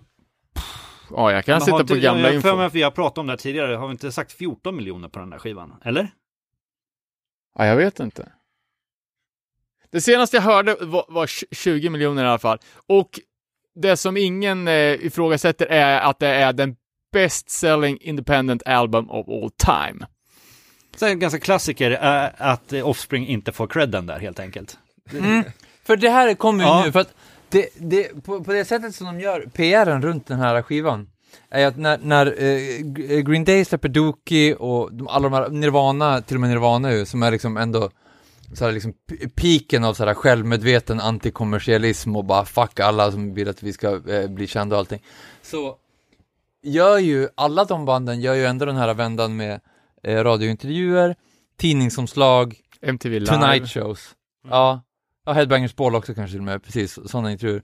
Och, och Offspring tar runt eh, Smash-grejen, liksom ställning till att bara, vi vill inte bli så exponerande i videos. De tackade nej till Rolling Stone-omslag och typ eh, nej till omslaget till Enemy och uh, alla de här musiktingen och tackade nej till att spela på Tonight Show. Första vändan de blev tillfrågade. För bara, vi ska inte bli överexponerade, vi vill inte vara så här profiler, vi vill bara spela punk så här. Ja. Så att de, de som är liksom från så här, typ övermedelklass eh, som inte har liksom någon cred alls och ingen punkgrej att leva upp till överhuvudtaget och alla hatar dem redan. och tycker att de är så här töntar, även fast de inte ens är överexponerade, gör ändå det här valet som är typ mer punk än vad de andra banden gör. Man kan väl argumentera åt andra hållet sen, att just eftersom att de är så kanske privilegierade och redan har någon slags, eh, kanske hit på gång så så behöver de inte ens göra det för att klara sig ändå, medan de här andra, och kanske har någon säkerhet som de känner sig säkra på att jag kan hoppa in i labbet igen eller någonting, så behöver de inte ens göra det för att det gör inte så mycket om de misslyckas. Men det vet jag inte heller, för att de kanske tog det, de kan ha tagit det här beslutet långt innan. Det är coolt att de får, inte, de får ingen cred för det heller. Folk fortsätter ju hata på dem. Förstår ni vad som hade hänt om de hade hoppat ut som typ Fallout Boy eller något sånt här gjorde och verkligen var så här Dexter listar sina tre gamla flickvänner som har credits på skivan. Ja, nej, men jag, jag hörde också att eh, PR-folket ville göra en grej av att Dexter var medicinare och att de skulle liksom göra promfotos med han i labbrock och Just sånt där. Labbarn med rastaflätor. Men jag undrar om det kan vara så enkelt att de själva känner, alltså de kommer från ingenstans. Boom, händer det här. Vi ska göra det här, det här. Det kan ju vara övermäktigt för dem, för att de är inte de här utåtagerande personerna som är den här, eh, nej men de, det är ju liksom, de har ju ingen direkt personlighet liksom. Och det kanske, det, de kanske bara älskar att spela musik och sen lyckas de sådär, de bara, äh, det där pallar vi inte. Så det kanske inte är ett aktivt beslut, de kanske skulle vilja ha gjort det, men de kanske känner att de inte pallar. Vem Ja. vet? Jag, jag, när jag var liten, när de där kom så, så antingen genom mitt eget huvud eller så för att jag såg massa eh, grejer om det, men att, jag buntade alltid ihop dem med, med Pennywise för att de var liksom ett sånt hårt band som inte direkt hade någon sån här snygg profil som var ute och, och sj- sjöng om så här hjärta Mm. grejer. Var de polare? Hängde de ihop lika mycket som jag tror att de gjorde? Alltså Garden Grow och Runt- Hermosa, det är ju inte långt ifrån varandra. Alltså liksom, men jag, faktum är att jag aldrig direkt, jag har aldrig direkt sett liksom Offspring hänga med några andra band liksom. Nej. Däremot, däremot, jag menar Fat Mike och, och jag menar, om man ser Pennywise, NoFX, Rancid och så här, det är ju en så här hänga tillsammans polare grej liksom. Eh, Medan Offspring, de, häng, de är lite för sig själva. De är, det är ett rätt tråkigt gäng liksom sådär. Det är någon grej med off, att de är ju så jävla ocreddiga. Ja, jag- och det, och det blir väl... Oförtjänt! Ja, oförtjänt, men, men de, de, man kanske kan bara är så. Jag, jag, Ja. jag, alltså, de kanske inte är så polar-polare, men jag vet inte. Samtidigt så, så startar de med det här skivbolaget Nitro, de måste ju ha hängt liksom, och de har gjort, måste gjort marknadsföring där och allt Ja, möjligt. med EFI liksom. och, fa- ja. För jag, jag jag läste inte i, i där intervju, faktiskt. då, då skrev de ju när de hamnade på, på Epitaph bara, ja, vi, vi var ju, Men, historien är lite på nåder typ. Ja, jo, men så, så har jag också upplevt det. Men, men från Offsprings sida, att, eh, när vi startade så fanns det, det fanns så jävla lite punkare. Vi, vi var alltid, vi spelade, alla ville höra, de säger vi låter som task, alla vill bara höra Astakask. Nej, de säger bara, alla ville höra hair metal, vi ville spela den här musiken, vi ville spela TSOL. Men det fanns ingen som ville lyssna. Eh, men nu när vi hamnade med Epitaph-klicken så hade vi äntligen hittat hem, vi hade hittat vår tribe. Mm. Men det känns ju verkligen inte som att det var Nej. riktigt besvarat. Det, kan, ja. det, är ja. bara, det är bara den känslan jag får. Ja men det är väl alltså jag som har varit där kring de här, den här tiden, jag, jag får också samma känsla, fast jag vet inte heller. liksom. Dock så är, sjunger ju Jim Lindberg backups på, på Smash. Ja, det är han och Jack de är- från det är klart- Det är klart att de var, de var pol, alla de här banden var ju polare såklart. Men jag har dock aldrig liksom, Ja, jag, jag berättar den här storyn förr på den här podcasten, men när vi spelar en spelning i Santa Monica och Brett och Tim eh, dyker upp och Joey Ramone är där, alla är backstage och hänger och, och snackar och, och så här. Och sen kommer de ut, då står Dexter Holland i publiken. Liksom själv, eller kanske med någon polare, jag vet inte, men han var där ute. Och det var liksom kallt, liksom. Eh, det var inte, han kom aldrig liksom in och de hängde liksom och så här. Så det är kanske det som har format också, att, att, att, man, Brett, kan att man få känner... eller? Bara, Nej, nej. Köp en biljett. Han, han är väl lite av en ensamvarg. Jag menar 2004 flög han ju jorden runt i någon jävla litet Cessna på liksom Doritos och beef Det var inte hans liksom. eget plan då? Det måste han ha. Ja men, ja, men Han han, hade väl hade Ja men det var fasen ingen liksom. Cessna, det var en jet. Ja det var en jet, okej. Ja, men han har haft olika, han har uppgraderat Ja, efter den, den vi, vi, det gjorde han, alltså när vi spelade Warped, eh, Warped, det var väl 2005 var det. Då så flög ju han mellan alla städer och sen så, då bjöd han med lite olika band och så här på hans tur. Så, så vi flög mellan Atlanta och Jacksonville tror jag, med, med hans American Nej, eh, Anarchy Airlines, eh, transplan då. Då hade han, då hade han ju en, en pilot då. Och sen så var det Dexter och sen var Atom med. Och så det dracks Jäger det där, liksom. Så det, var- det var inte att han flög liksom så här. Men då bjöd han med och satt och snackade och, det, och då insåg vi också att det här är ju första gången vi riktigt sitter och pratar med Dexter liksom. Och då har vi ändå spelat tillsammans bra många gånger. Vi gjorde, ja, vid det här laget har vi, vi gjorde en hel västkust, USA och Kanada förbandsturné till, till dem liksom. Oj jävlar. Men då hängde man ju bara med noodles utav dem. Ah, Liksom. okej. Dexter var ju bara, det var känna, känna. Bara Fan, lite så här. Nej, och berättade då att han är extremt bastufan. Han har typ den största bastun som finns i hela Kalifornien. Nu drar vi. Det, det, det, som, det som de dock får cred för, i, i motsats till många av, av de andra de här punkskivbolagen, det är att alla på Epitaph, bo, alla banden och de som jobbar, creddar dem alltid med att de var väldigt tacksamma att, att liksom de bekostade deras karriärer. Det kan de verkligen säga rakt ut, för det är ju i direkt motsats till eh, både Fat Wreck och Lookout, där liksom folk kände att de, band ofta klagade på att de blev liksom åsidosatta och ner, av, avprioriterade och eller inte fick uppmärksamhet nog och sånt där, var sura liksom på, på Rancid och på Green Day och sånt där för att de tog upp för mycket tid av dem.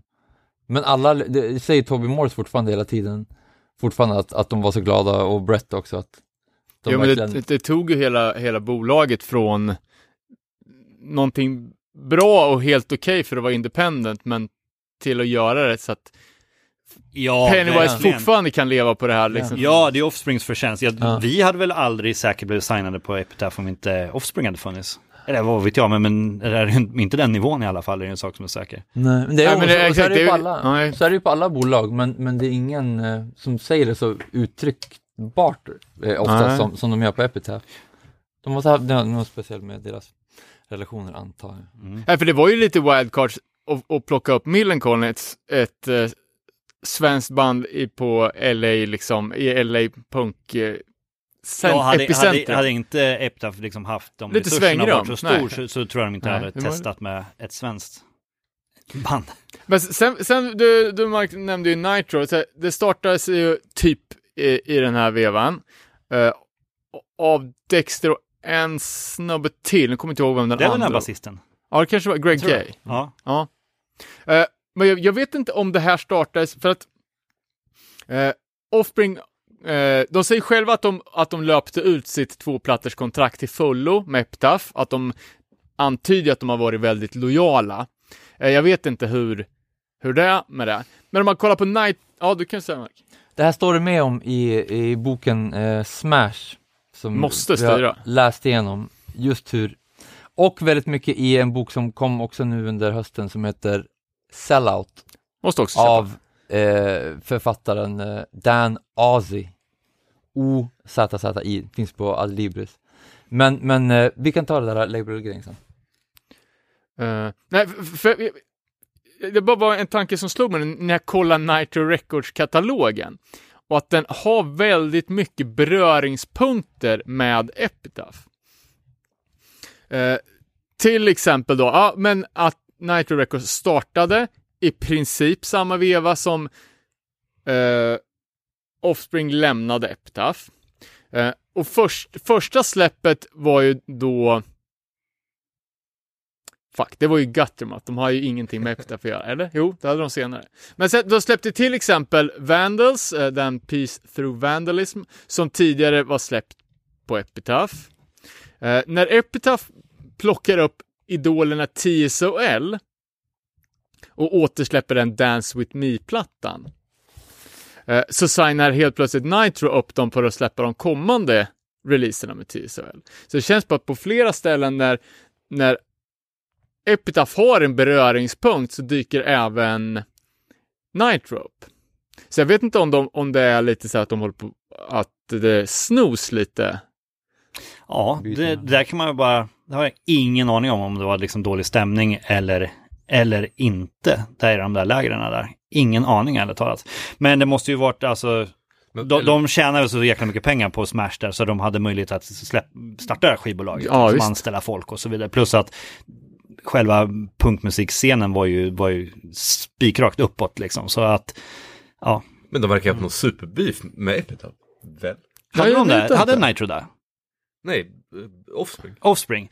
Ja men jag, Han, jag, jag, jag, jag läste vet något citat, han sa ju typ att jag släpper hellre på ett major label än med Brett. De kände sig väl under, underprioriterade Ja. bara. De gjorde ju någon luring. Det som det står mycket om som är återkommande i den här sellout, det är att det oftast pratas om, om både i, eh, i grungen och i, i punkrocken som kom senare, att alla de här storbolagen bara fick dille på att bara signa Ta det här glamrockbandet och så klipper ni lite och så tar ni, och så klär ni inte upp er. Då har vi ett grungeband typ, eller punkrock så bara eh, spika upp håret och, och ha jättelånga shorts. Eh, och så tror man liksom, det blått eller? Det var Jo, men- jävligt bra. och att, och att liksom att det var A&Rs på varenda jävla spelning och sånt där, men i den där, för de där banden som är, som är eh, skrivna om i, Sellout till exempel, alla, Green Day, Jimmy Eat World, eh, Thursday och eh, Offspring och Nirvana alla, är att det är ungefär samma A&R som bara och, och, och record label executives som bara har hoppat liksom runt på alla olika bolagen. Det är liksom samma, tre personer som återkommer som har signat de här banden hela tiden och bara dullar runt dem. Den här snubben med skitmycket i alla fall, han som har signat de, de flesta av dem. Eh, på alla bolag. Han hoppar liksom från Columbia till Sony, till Warner, eh, till Universal, bara, om, det är samma liksom. Som bara tar upp han, de flesta floppar, några fastnar kvar, de andra får ner sig. Ja, den, där, de den, där, den där klassiken också som, som när, när, eh, när, de, när de får smak på en ny eh, musikgenre som det där. Bara, ja, vi tar in de här, vi ska hitta nästa Offspring. Och sen så på en major som det var där, då får man chans att släppa, de släpper den, jobbar stenhårt på den, nej det floppar, hej då. Ja. Fast ni sitter fast vid kontraktet, Ja. fast liksom äger bandnamnet och, och så vidare. Det var den sportreferensen jag letade efter förut, en Farmers League. Det är ju där, du vet, de, de börjar liksom här nere och så får de visa vad de går för och då, det har de dem liksom på, lite, lite på passara, St. Louis eh, Blues Farmers League och sen så får de upp upp i A-laget när de är redo. Japp. Så gjorde Offspring, de utnyttjade något loophål så här och, och gick över till eh, eh, Columbia när de skulle släppa X-Neon om Nej, nej för, för jag, jag, jag hörde att Offspring själva sa, de gav ju massor med exempel på dem, nu kommer inte jag ihåg, men det var ju Beck och det var ma massa liksom som var independent artister som bröt sina kontrakt under, ja, så fort det, ko- så fort det dinglades med ett major-kontrakt så bröt de in det kontraktet medan Offspring löpte linan ut. Ja, okej. Um, men uh, Ixnay on the Ombre då? Uh, ja, Sidnos Ja. sjunger om det, men Smash-skivan, då heter de ju, det är ju bara Offspring. Just inte det. The Offspring. Irriterande. eh, jag tycker det är bra. Eh, jag tycker de ska ha varit utan det. Hela tiden ja. Eh, ja, Ja, faktiskt. Visst. Och det Offspring kom ifrån någon, någon B-skräckis som var poppis 86. Eh, men jag tycker det sny- blir snyggare, mer centrerad logga utan Utan the. det, ja. Jo, hubba. Men har man bestämt en grej, då får man fan hålla vid det. Ja, det är Eh, väldigt. Eh, eh, jag älskar X-Neon the Ombre, albumet. Jag blev chockad faktiskt när jag inför det här, typ två dagar sedan, lyssnade på skivan och märkte att jag har aldrig hört den här skivan. Wow. Den är mycket hårdare och mörkare än vad folk ofta kommer ihåg, skulle jag vilja hävda. Den känns, jag tycker att Smash känns, den är hård och snabb, men den känns solig, men X-Neon the Ombre känns fan deppig som helvete, mörk. Jag tycker Smash är depp, tondeppig. Ja, men- All I Want är fan min favorit Offspring-låt. Ja, jag tror det var något också. All I Want, svinhård.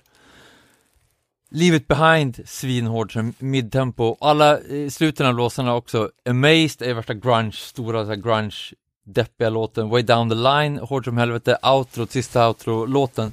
Som ju också bygger en, en hel låt kring den här orientaliska slingan som de spelar i slutet av Smash. Okej. Eh, som de liksom binder ihop till. Men du, eh, en, eh, en teori då som styrker din teori, deppighet versus solighet. Körerna på Smash, soliga Jim Lindberg. Körerna på Ixnay, deppiga David Havoc. Ja! Där satt Är det det. han som kör? Ja. körar? Han är den enda som har backup vocal credits på nu den. höjde den, nu höjdes skivan ännu mer. Uh, Ixnay on the ombre, eller ja, on the ombre betyder ju också fuck authority. Uh, någonting som Pennywise har gjort ganska stor grej av på plattan som kom 2003. Alltså fly, det blir som eh, fly från, spring från polisen, spring från Ja, reject, uh, ja, reject the man. Liksom. ja. Och vad har vi för Lite låttopics udda på att man gör skivan? det på en major label. Ja. Spår men- 3, spår 3 ha- handlar om att åka över gränsen och köpa eh, braj och annat. Spår 4, eh, barnförbjudna sexlekar. cool to hate som vi gick runt och sjöng på skolan också om att man eh, hat, att det, är här- det är också ironiskt såklart. Det blir lite sådär paj, paj, paj. Men våran eh, lärare i trean, fyran blev jättearg. I hate school, fuck the teachers and fuck the school. Och, eh, folk som går bort, folk som dör, folk som lider av missbruk. Det är, det är hård skiva rakt igenom. Nästan. I choose eh, står ut på den här. Plus ännu en ska-låt. Mm. Men det har vi konstaterat att det är inget fel på ska. Nej, det är inget fel på ska. Det är ganska coolt när de gör det också, bara som visar tidens tand på en mörk skiva. Ja. Ja, nej men eh, och det är också så här en Precis som, som Propaganda gör en anti-ska-låt i ska-tappning så gör ju också Offspring en anti-ska-låt i ska-tappning. Och det är liksom, det är perfekta, både kunna äta kakan och ha den kvar. Man kan vara cool, dissa ska, man kan samtidigt liksom så här, lyck, ja men casha in på, på skan liksom. Don't pick it up, pick it up, pick it up. Det tyckte jag faktiskt var ganska, ganska roligt. Ja. Jag är lätt påverkad.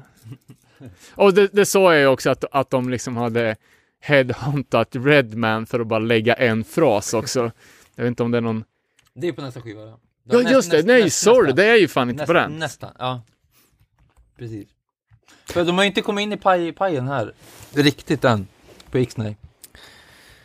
Jag tycker den är superbra. Singlarna här var väl eh, Gone, away, Gone Away, All I Want. Ja, precis. Det var ett- Och Gone Away gjorde de ju en ny, har de gjort en ny version Och på, kanske- nu på nyheter som är såhär piano Det måste jag nästan säga är deras bästa låt va? Det- Ja, inte piano ballad, men Nej, den, den, gamla. den, den, Jag gamla. är fan Alltså, med det, den. Det är är ju sjukt, alltså och live är det ju, det är ju, det är ju gåshudsbetoning. Den, Ja, alltså det, är ju en riktigt stor låt liksom. det är IG här alltså. Jag, jag, jag vet fan hur jag kan missa det, men Hårt och stort ljud. Men på den här skivan. den här skivan är ju mer poppunk.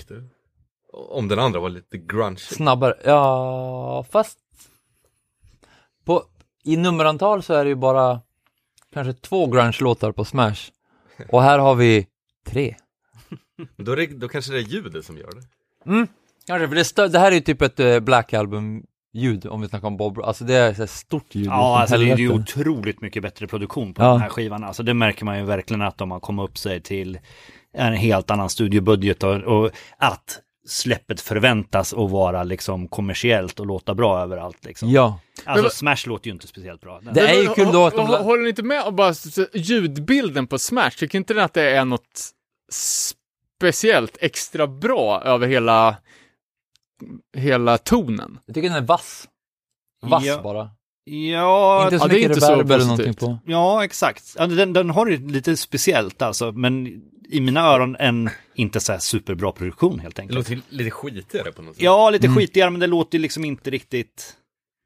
Äh, Jag vet inte. Den är inte fyllig, men den Nej. är vass, tycker jag. Det är mer eh, eh, kolhydraten, Ja, men det är liksom hela, hela sågning, ljudbilden är alltså. inte så fyllig, utan den är lite torftigare, tycker jag. Ja. Och, det, och den lät ju aldrig bra heller, minns jag ju förr också, liksom när det kom på ZTV och så vidare. Self-esteem och det där, alltså det var, ju, det var ju inte en bra ljudbild som kom ut ur tvn på den tiden. Komprimerat. Fatta vad dåliga tv-högtalare det Ja, var på men den tiden exakt. också. Äh, äh, Där det- kan vi snacka vast. Joj. En till Bob Ross... eh, en till Bob Ross... en till Bob Ross... eh, gud. En till Bob Ross-referens.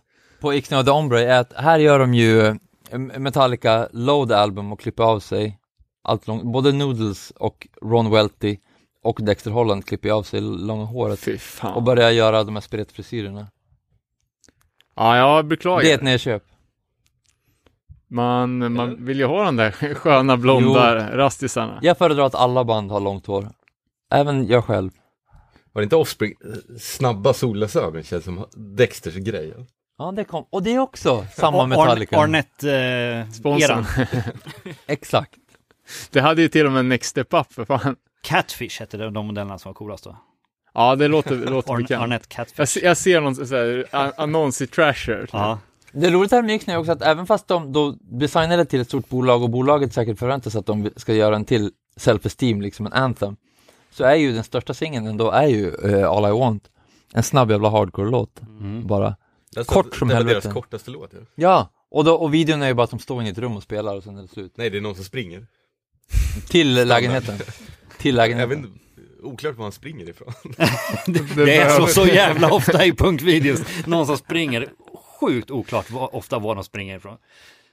Men vad tror ni, introsnacket av Yellow Biafra då, det, det måste ju dels varit ett litet försök från Offspring att få lite street cred nu på Mhm. Major Label. Också idealisten Yellow Biafra måste ju fan ha Fakturerat. fakturerat och övervägt liksom att ens låna ut sin, sin pipa. Become the media! Eller? Ja, exakt. Don't hate the media, become. Men sen är det också coolt, för att den låten heter ju, Meaning of life. nej, vad fan heter den? Disclaimer. Disclaimer. Och det är också konstigt eftersom Yellow Biafra då är ju typ ett, alltså så mycket av hans liv som handlar om en disclaimer. Ja. För David, nu, nu är det svårt med namnen. Yellow Biafra var ju i rättegång i två år över eh, postern som var med i Frankenchrist-skivan. Och den rättegången slutar ju med den här disclaimer parental advisory-sticken. Så att han liksom går in och snackar om disclaimer och pratar om liksom den påhittade farligheten av det här major label punksläppet är ju liksom lite, jag vet inte fan, parodiskt liksom. Ehm, Det är roligt när de här ryttarna ändå visar sig ha humor. Ja, men han, verk, han eh, verkar ju vara lite av en översittare, men han är ju ganska rolig också, den goda Yellow. Eh, något mer om Ixnay eller ska vi gå? Alltså, eh, jag, eh, jag minns att eh, jag försökte önska mig den här skivan i julklapp på den tiden.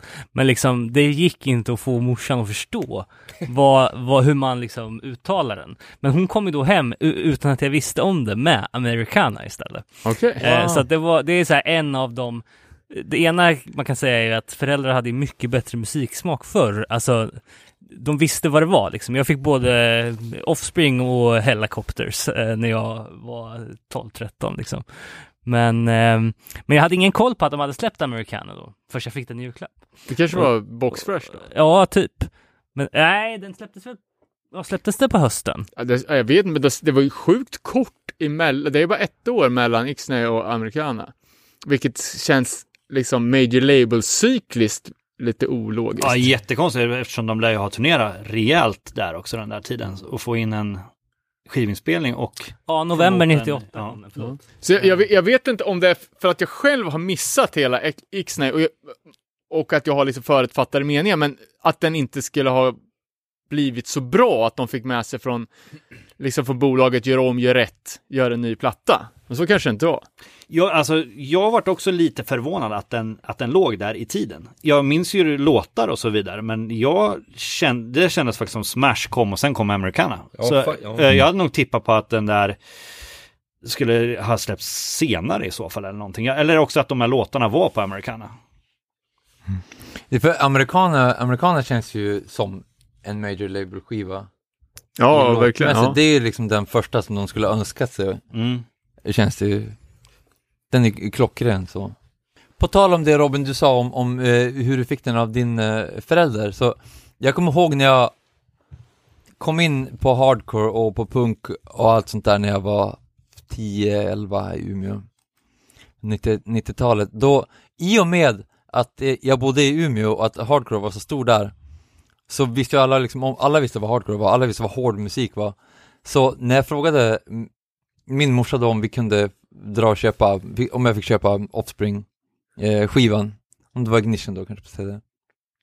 Då hade hon hört med några arbetskompisar som bara Ja men det där är lugnt, det där, ja men fan, det, det där är lugnt man. Så kom hon tillbaka till mig och sa Ja men mina arbetskompisar, det är lugnt, de är straight edge och de är så här äh, drogfria och vegetarianer så det är helt lugnt. så då fick jag köpa Offspring bara eh, för det. Är de ens det? det kan... Nej nej, satan! nej. Det var klart, jag har Umeå, har- Umeås hardcore-scen att tacka för att jag eh, fick köpa första Offspring-skivan. Jag gjorde fan typ samma. Jag köpte Millencolin. Eller jag gick, åkte till Linköping, skulle köpa Life on a Plate. Okej.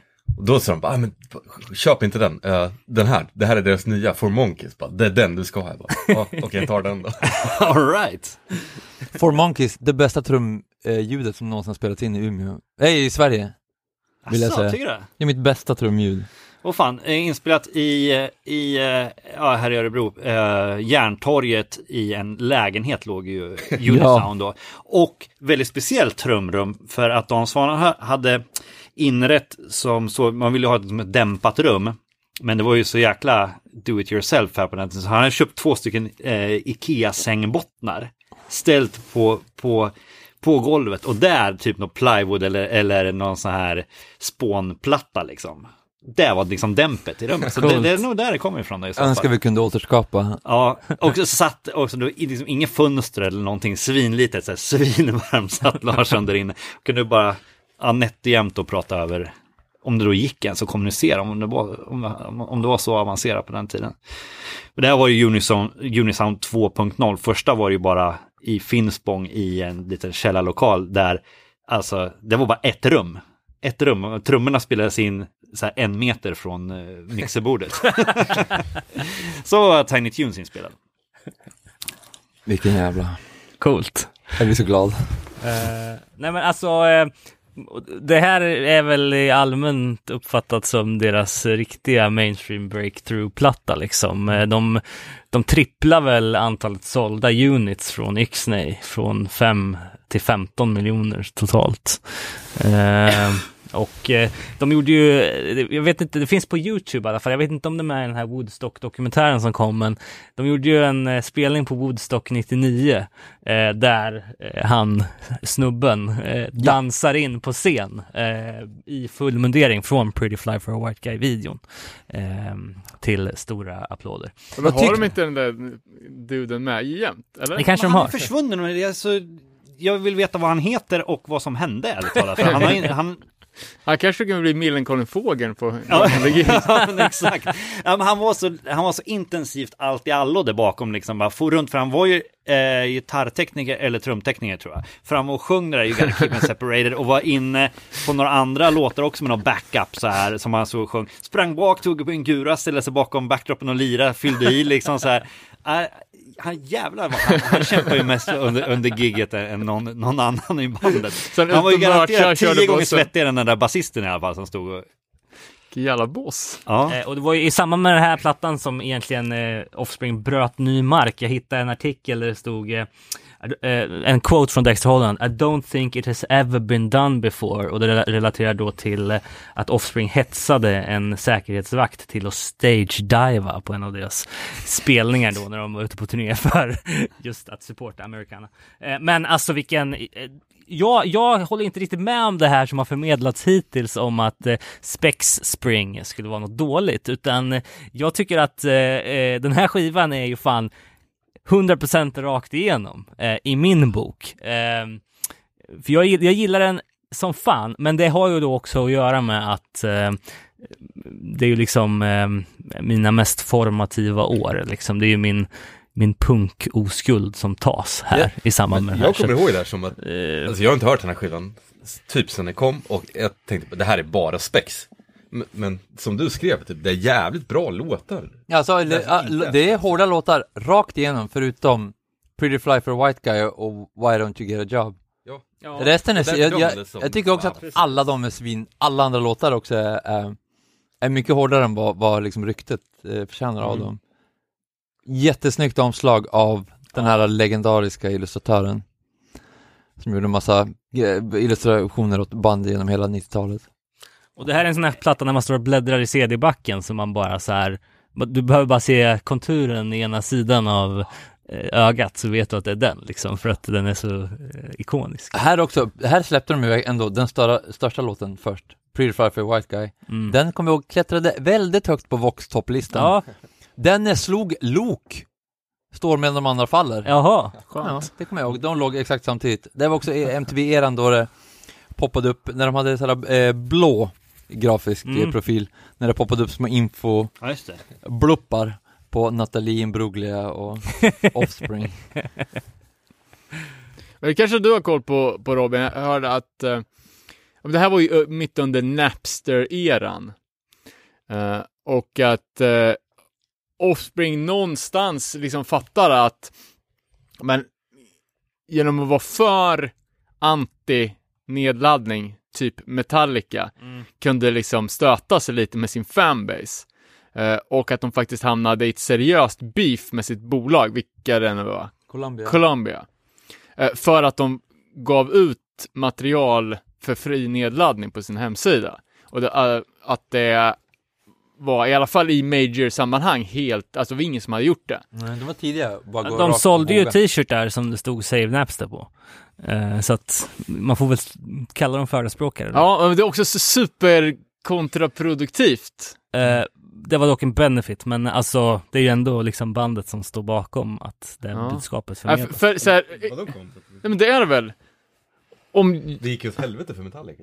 Som var... Ja, ryktesmässigt. Ja. Men ekonomiskt. ja, Ja, men alltså det är väl lite som att eh, liksom, de såg potentialen i, eh, i liksom hjulet samtidigt som någon stod och försvara liksom, eh, hästar eller liksom, ja, jag menar.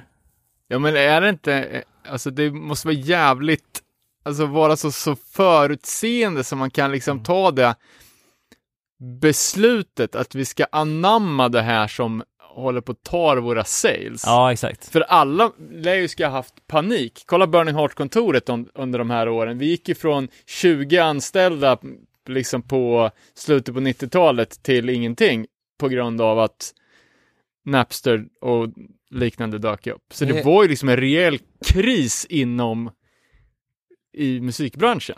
Ja, de hade väl, eh, alltså de hade väl eh, kanske pengar och karriär så det, så det räckte i alla fall. Sen kanske de bara förutsåg att det här kan vi inte göra någonting åt. Vi kan lika gärna liksom attackera så här istället för att göra som Metallica. Ja. Det är off Offsprings eh, profil ju, oemotionellt analytiska. Ja, men precis. Och det roliga i den här kråksången, det var ju också då att Napster stämde Offspring för copyright infringement för att de hade använt Tisdag. loggan utan tillåtelse. Fan.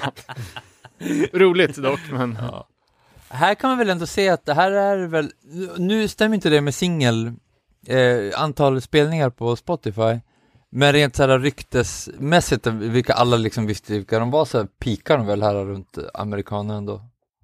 jo men det tror jag. Visst? Mm. Det är, det är väl så historieskrivningen säger. Sen vart vi väl allihopa förvånade att det var en nyare låt som var deras överlägset Ja, mest exakt. En, spelade. en låt från 2009 som jag typ aldrig har hört. Men Den hade ju så Vad var här det? 500 miljoner plays eller någonting på Spotify. Mm. Precis. Och medan ni kollar upp det här så kan jag berätta att Jason Blackball McLean Ja! Blackball, är det är han. Gotta Keep Him Separated. Exakt. Hette inte deras första låt Blackball? Ja, någonting med Black.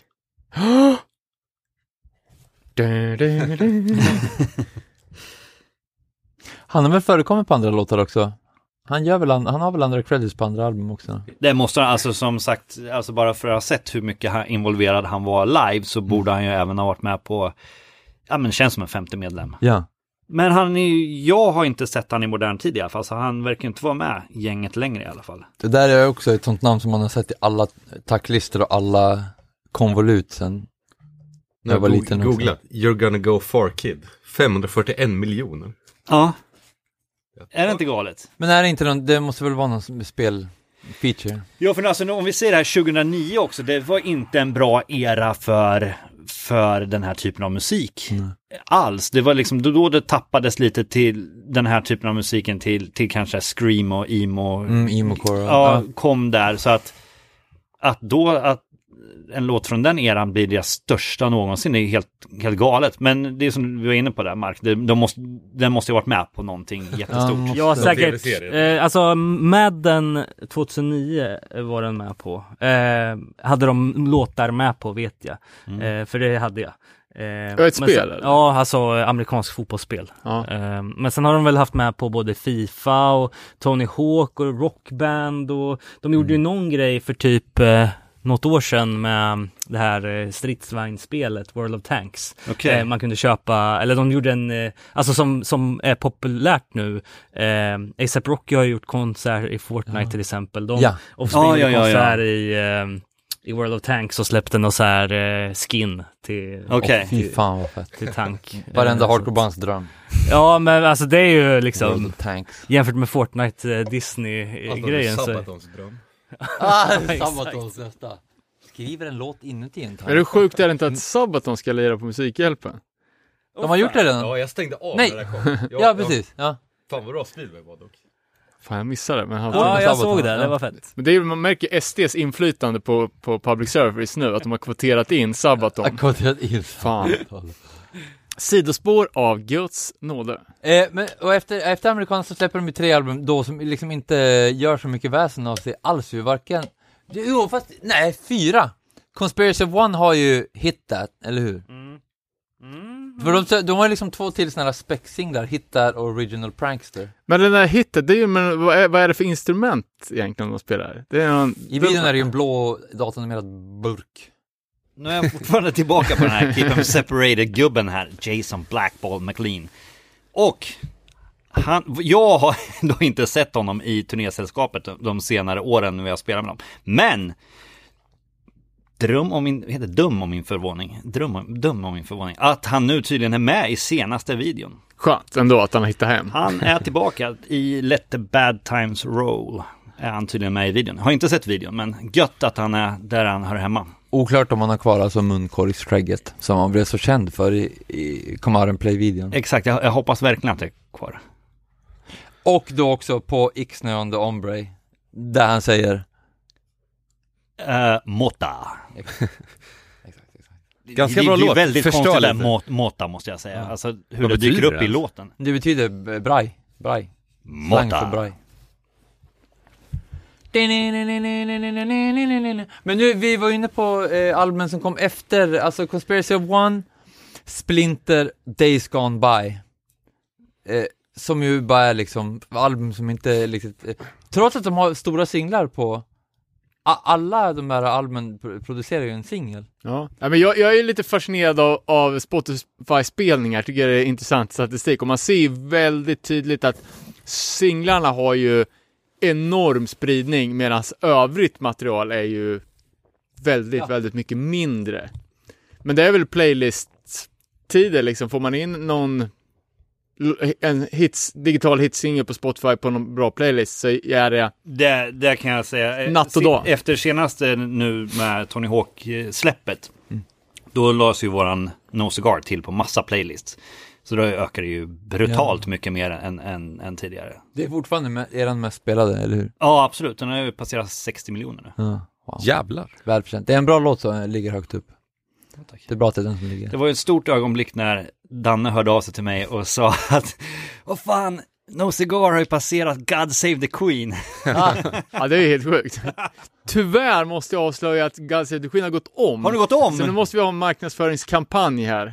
Kanske Ah. vi kan, ska vi försöka få upp uh, Kemp-versionen från Cheap Shots? Oh, Där, ro, där, där, där. Nikola har hesare röst. okej, fan vad gött att du har noterat det. Finns hårdare. den på, på Spotify? Den varianten? Det vet jag fan inte. Ja, Jag har klart, på- Cheap Shots kanske ligger Jag har den på rippad MP3 från CDn. Men den är så jävla bra den versionen. Han låter hes som rå jävla hård Den är inspelad i första eh, varianten utav Soundlab Studios, den vi fortfarande har nu, den som eh, Matte och Miesko från Nasum startade. Och det låg alltså i källaren under eh, Kina-restaurangen Kinamuren. Luktar total sopstation och sen så där ligger också en källare, Det är ju väl? ett soprum. Är det källare under källaren? Eh, källare Det är hiss ner i alla fall. det är hiss ner, det är flera källarplan liksom. Underneath the Och det är soprum, eh, var soprum. Ja, du kan ju tänka dig där. hur, Eh, hur jävla sunkigt det luktar bredvid en Kina-restaurang. Ja, och där alltså. delade även vi och Voice of eh, Generation en replokal under en stund också. Och där spelade de in, ja, spelade in Nine, första, den första Nine-plattan som, som Matte producerade spelades in där. Första Bombshell spelades in där. Och i samma veva spelade vi in Kemp där. Det var den enda Millen-låten vi spelade in eh, där, i, de, i den varianten utav Soundlab Studios. Lirade även in Circuit 7 i den studion. Mm. Mitt gamla band, Ja. det vill säga. Det var ingen stor studio, vill jag lova. Det var en fin studio. Så du säger, vilket stort band? det var det inte heller. Rolig sidhistoria, jag läste att den Splinter-skivan skulle heta Chinese Democracy, You Snooze You Lose. och så då hade Axel Rose skickat ett, vad fan, vi, Sist, sist. ja, och då bara, ah, första april, det var ett skämt. Ja, det var riktigt roligt. Snyggt omslag. Finns det dessutom också en jävligt hård, snabb eh, eh, typ hardcore-låt som eh, singel. Också, från Splinter. Men den allra mest streamade låten nu från Offspring, det hade vi redan sagt va? Nej, jag tror, Från nej. Rödsvarta. Jo, men vi Ja. nämnde det, att det Ja, var oväntat. det. Ska vi hoppa över nu till det här glappet nu, till nyaste? Världens fulaste omslag på den där rödsvarta. Ja, ja, Fy fan alltså. Det är klipp, clipart typ. ja. Ja, det var ingen vidare. Eh, Kan jag bara s- slänga in, jag hade ju min, min teori här om, om att Offspring väldigt ofta jobbar med liksom clickbaits eller catchphrases och så här. Eh, Jag har ju bara liksom pangat in på random låtar på de senaste sex plattorna för att jag har inte riktigt någon koll. Men då hittade jag låten Special Delivery från Conspiracy One. Eh, och den låten, den är ett sånt jävla potpurri av olika catchphrases. Eh, det är någon siren som, som går i bakgrunden och det är något konstigt, liksom Programmerade trummor. programmerat triggat trumljud. Och sen döm av min förvåning när Huga Chaka, Huga Chaka från Björn Skifs Hooked on a feeling från 1974 kommer in. Så bara, vad, vad fan, vad fick de det här ifrån? Och då måste tilläggas att eh, Huga Chaka Huga Chaka är det enda som Björn Skifs har skrivit själv på den låten, för annars är det ju en cover. Hooked on a feeling. Ja, det är super, Av alla saker de kunde väl valt. Det är, det är en catchphrase. Ja, det är en Och det har ingenting med övriga låten att göra, som... För det, det är liksom som att de har någon gång tidigt i karriären hittat den här boken, så här skriver du en hitlåt, och sen sliv, slagit upp liksom sida 1A. Bara, du måste ha någonting som sticker ut till varje pris. Liksom. Det spelar ingen roll om det kan anses som töntigt, opassande, inte hör ihop. Har du bara liksom kommit in i folks undermedvetna loop så, så kommer det liksom göra låten till en hit. Och vad, vad hade du valt om du fick välja mellan två eh, svenska mello eh, eh, grejer som de skulle ha samplat? Skulle det ha varit Uga Chaka eller skulle du ha valt Take a chance, take a chance, take a, take a chance, chance, take a chance, take a chance, chance, take a... Nej, men då tar jag nog Du fan får inte ge. Offspring några idéer nu. Hellre Uga Chaka? Ja, jag tror det. Ja. det Chaka är enklare att få in rytmiskt tror jag. Ja, det är det kanske. och plus att det är lite mer grott, uh, grottmänniskokänsla, mer kompatibelt med hardcore.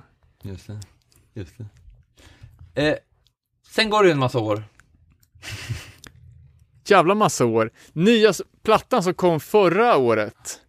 Helt okej ändå, jag var Mm. positivt överraskad. Låt mig, ja. Första singeln var, den eh, lyssnade jag på. Den, den lyssnade jag på. De gjorde jävligt mycket PR också De satt ju i samma studiorum typ och gjorde alla intervjuer som de hade stora och runda och glada här om nu. Nu, Alltså- alltså nu, precis nu under 21 Ja, Ja. Ja, men det är väldigt lätt att se.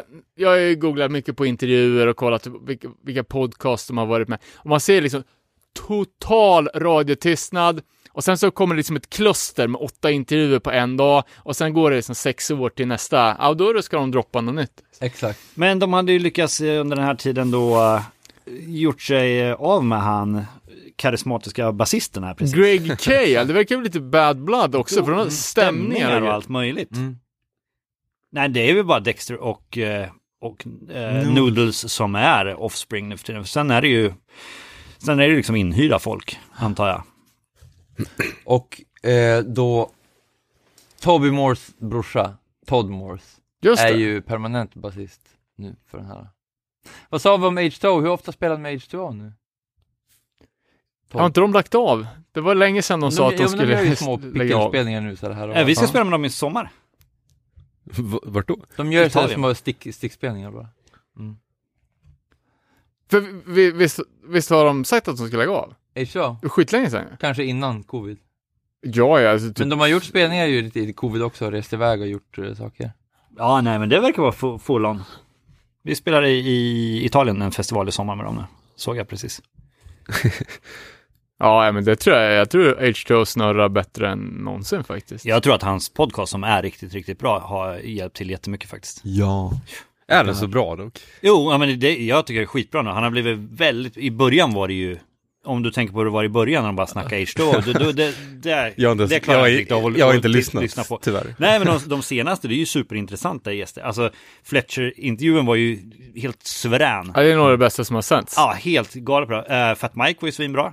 Ja. Eh, men det var ju flera, flera av dem där. Sen önskar jag att Brett kom tillbaka igen, som var jäkligt bra där i början. Ja. Fast alltså, Toby blir så sjukt mycket bättre på att föra samtal och, och prata nu. Så, plus att bra utrustning också, för det är ju bedrövligt att lyssna när, det- när det låter som det gör där i början. Han ska ha en eloge också för att han har hållit i nästan, mest nästan av alla att göra intervjuer också IRL Mm. på plats. Ja, han säger ju det också, att han letar efter folk fast de måste komma hem till honom.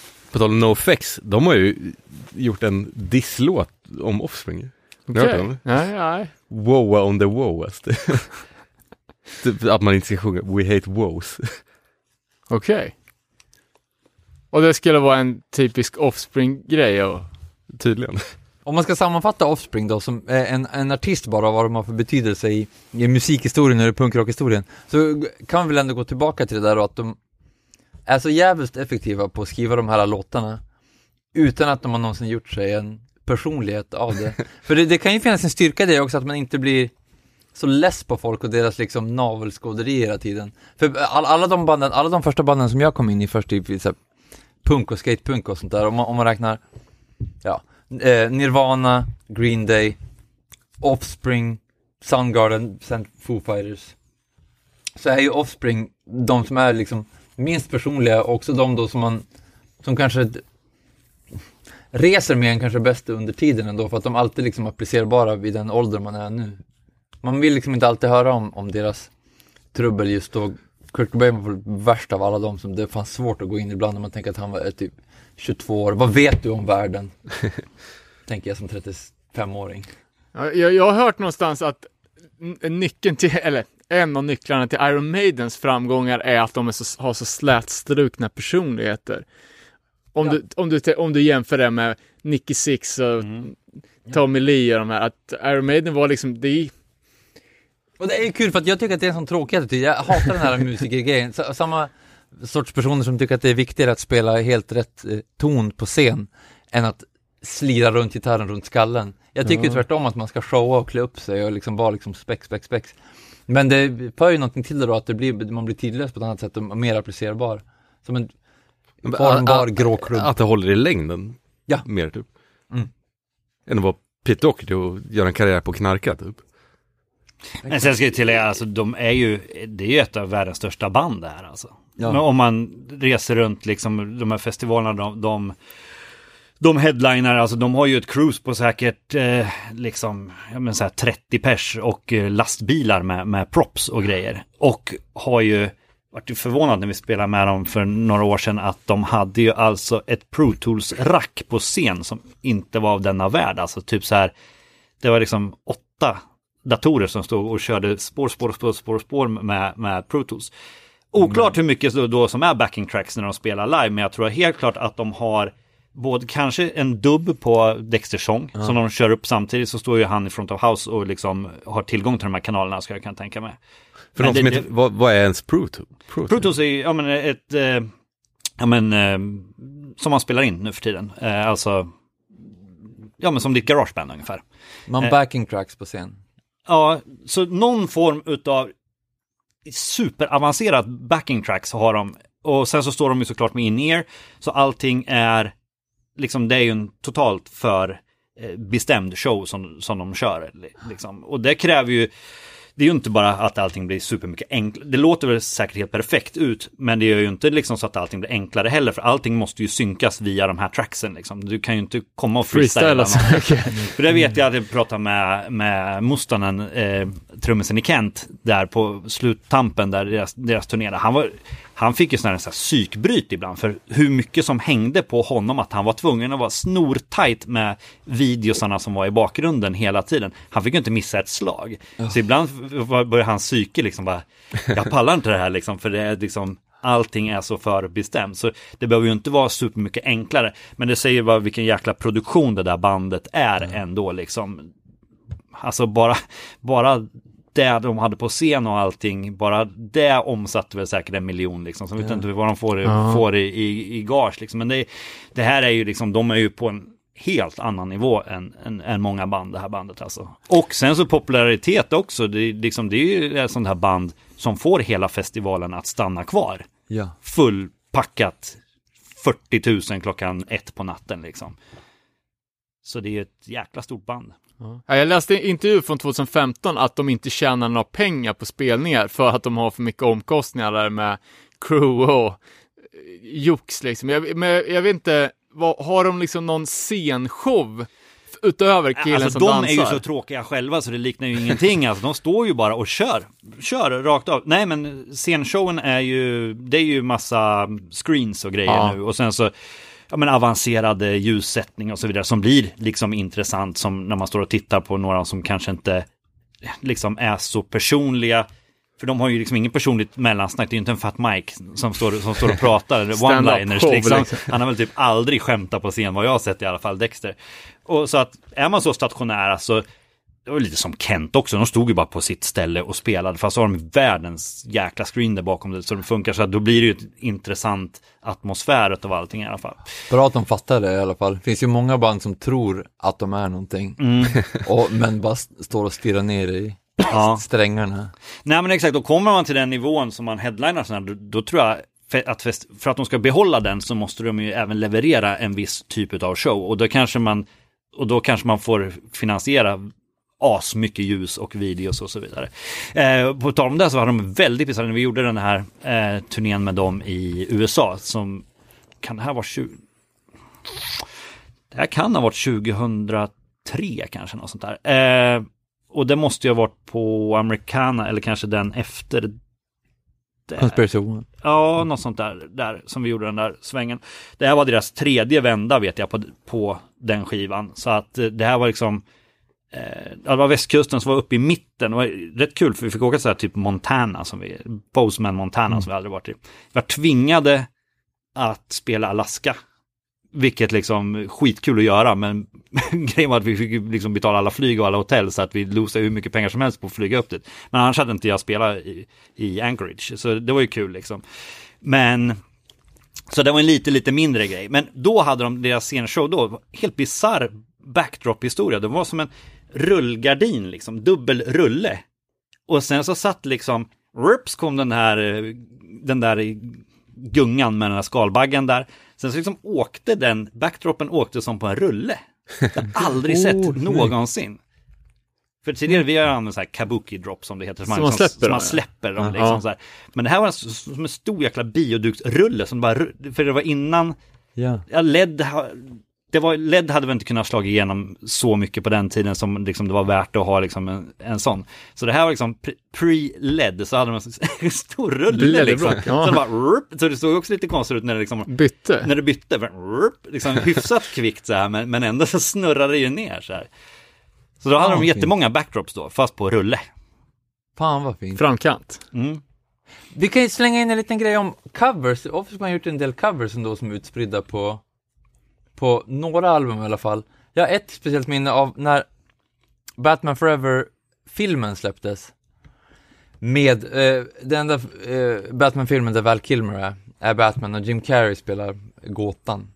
Då kom det ett soundtrack som var smockat med lite olika eh, grejer. Eh, Bland annat då Seal, Kiss from a Rose är den som blev mest känd. Också U2 gjorde en låt som faktiskt är bra på den tycker jag. Kanske det är min enda U2-låt som jag tycker är bra.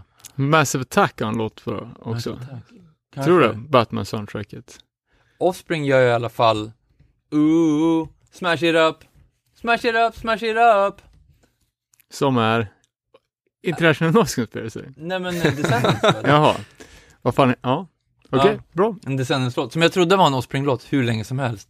Jag, jag, jag gick in på Akademibokhandeln, fan en hel sommar och lyssnade på den där flera gånger i veckan. Okej, man hade totalt missat. Svin, svin, svin bra låt. Nu, den finns nu på Spotify vet jag. Sen gör de också Killboy Powerhead eh, på Smash som är en, en cover. Ja, det visste inte jag. Nej, Jag- inte jag heller. Man, nej, exakt. Man tänker att det, att det var en Offspring-låt. Exakt. Det var något helt... Jo!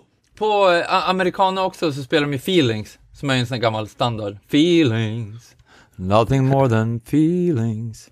Sån här, inte, jag vet inte om det är Burt Bacharach eller liksom någon som har skrivit en, en sån där. De gör ju den. Hey Joe också som verkar vara någon sån här allemansrocklåt som typ motsvarigheten till uh, är det Gimme Gimme? Nej, vad fan heter den? Gimme Shelter? Nej, som Black Flag också har gjort. Jaha. Skitsamma. En, en sån låt som kanske hundra band har spelat in på skiva. En sån här riktig standard rockcover. Mm. Just det, på någon turné-EP. Som ska ha gjort. Detta om detta. Ja, har vi avhandlat det här bandet? Kommer? Offspring släppa ett till album? Ja, men det känns väl som. Det tror jag nog. Varför inte? Det, det, jag hörde ju på den här podcasten där med eh, Mike Herreras podcast som eh, Noodle satt och, och snackade. För det första är jag förvånad, ja, men den här studiobudgeten måste ju vara enorm såklart med Bob Rock. Men eh, det var väl, är det inte ett mindre, de har ju signat alltså ett nytt, det är ett nytt kontrakt nu. Det här bolaget tror jag inte, fick jag inte för mig var så här, det är inte Universal eller Columbia. Liksom, Nej, det känns som här- att det är här lite lite mindre. Concord Records verkar det heta. Vad heter det? Concord. Jaha, Concord. Ja, det kanske är ett stort bolag. Ja, alltså ja, för att kunna för att kunna eh, betala av den där studiekostnaden och så vidare så lär det väl inte vara ett mini-mini-bolag såklart. De släppte ganska roliga videos också som PR för den här. De gjorde en sån här surfvideo. Alltså bara såna här um, YouTube, korta YouTube-videos, här lekvideos bara. Okej. Just det, de var rätt tidiga på att göra så här corona-videos hemma också va? Ja, exakt. Var de ju. Det hör Ja. nog till den serien ja. Som man använde för att promota det där. Som var lekfullt på ett sätt som Ja men absolut, inte, var, ja, det... inte behövt. Ja. Exakt, verkligen. Ja men där bjöd de ju på sig själva Ja. tyckte jag. Som fan. De så här, ja, precis, så här kommentar, det är typ en eh, Typ en Ken Barbie-dockor som surfar, som gjort som en surfvideo. Ja just det, just det. Och, ja. så är det, och så låtsas Dexter och Noodles att det är de som är och åker. Wow, wow, vad händer nu? Ja, kom vi går hit. Vi gör... Ja men exakt, ja, ja, ja, den såg jag en gång, jag har glömt bort den nu Ja. tills, tills du sa men det var ju, då kändes som helt plötsligt som Levande. karaktärer som, Ja, Dexter är som- så här rolig. Ja, exakt. De är ju inte gråa. Precis. Var det som så att när de blev kvitt den här tråkiga basisten, då blommar de ut? Ja, det är han som har hållit i dem hela Ja, tiden. nu Typiskt nu basister. är bara Toby Moores brorsa, livet leker. Exakt. Nu är de jätteroliga. Få se nu då. Vi har ju hört en del intervjuer, framförallt med, med Dexter, verkar både smart och jävligt sympatisk. Ja men alltså, de här är, ju- det är ju skitschyssta snubbar det här. Det är ju ingen snack om saken. De här var inte så här uppmärksam kåta på det sättet då. Att de måste fläka ut sig själva i det. Nej, det är skönt det. Antitesen till Tim och Lars. Det är det. Summa kardemumma, jag älskar Offspring fortfarande. Ja, Tänker du sälja din färgversion av Ixnay till mig? ja kanske. 500! Ligger på 250 på Discogs. 300! jag kan betala 500 om du ska släppa den. Jag betalar för ditt medvetande. Men det är ju ett band, man tänker aldrig bara, ah, fan idag ska jag lyssna på Offspring. Men det, det är fan jävligt bra låtar alltså. När man liksom, precis, när man väl är där. Ja, det är li- lite underskattat. Dels eh, som det underskattade melodiska hardcorebandet från tidigt 90-tal, men också faktiskt att det finns bra grejer i katalogen senare som, som verkligen har flugit över huvudet på, på mig och många andra skulle jag säga. Och de fortfarande gör hårda, de gör fortfarande hårda låtar även nu. För de hade ju kunnat gå in och göra som en del band gör och bara liksom göra en sån här disco-skiva rakt igenom. Men de slänger fortfarande in hårda bara standard punkrocklåtar. Eh, som ingen lyssnar på. Jo, många lyssnar på det. Bara kolla på den där senaste fem- 500 miljoner. Ja men just det, men säga, det räknas ändå som en punkrocklåt. Ja. Men ja, fast på en festival i Tyskland, då står väl tyskarna och bara Spela den här Pretty Fly for a White Guy. Ja, ja, ja. När kommer den? Det känns inte så, Offspring är så supertyskt band heller. Det känns som att de har bra, Okej, England. nej men, bara känslan att de, äh, att de går ganska bra i USA och Australien. Alltså. De är stora, de är stora överallt. Ja. Nu gjorde Hives var ute med dem precis i Europa och i England och vad jag såg bilder därifrån så var det ju stora arenor med hur mycket folk som helst. Så att nog är de, nog är de stora. Ja men vi rundar helt enkelt med de orden.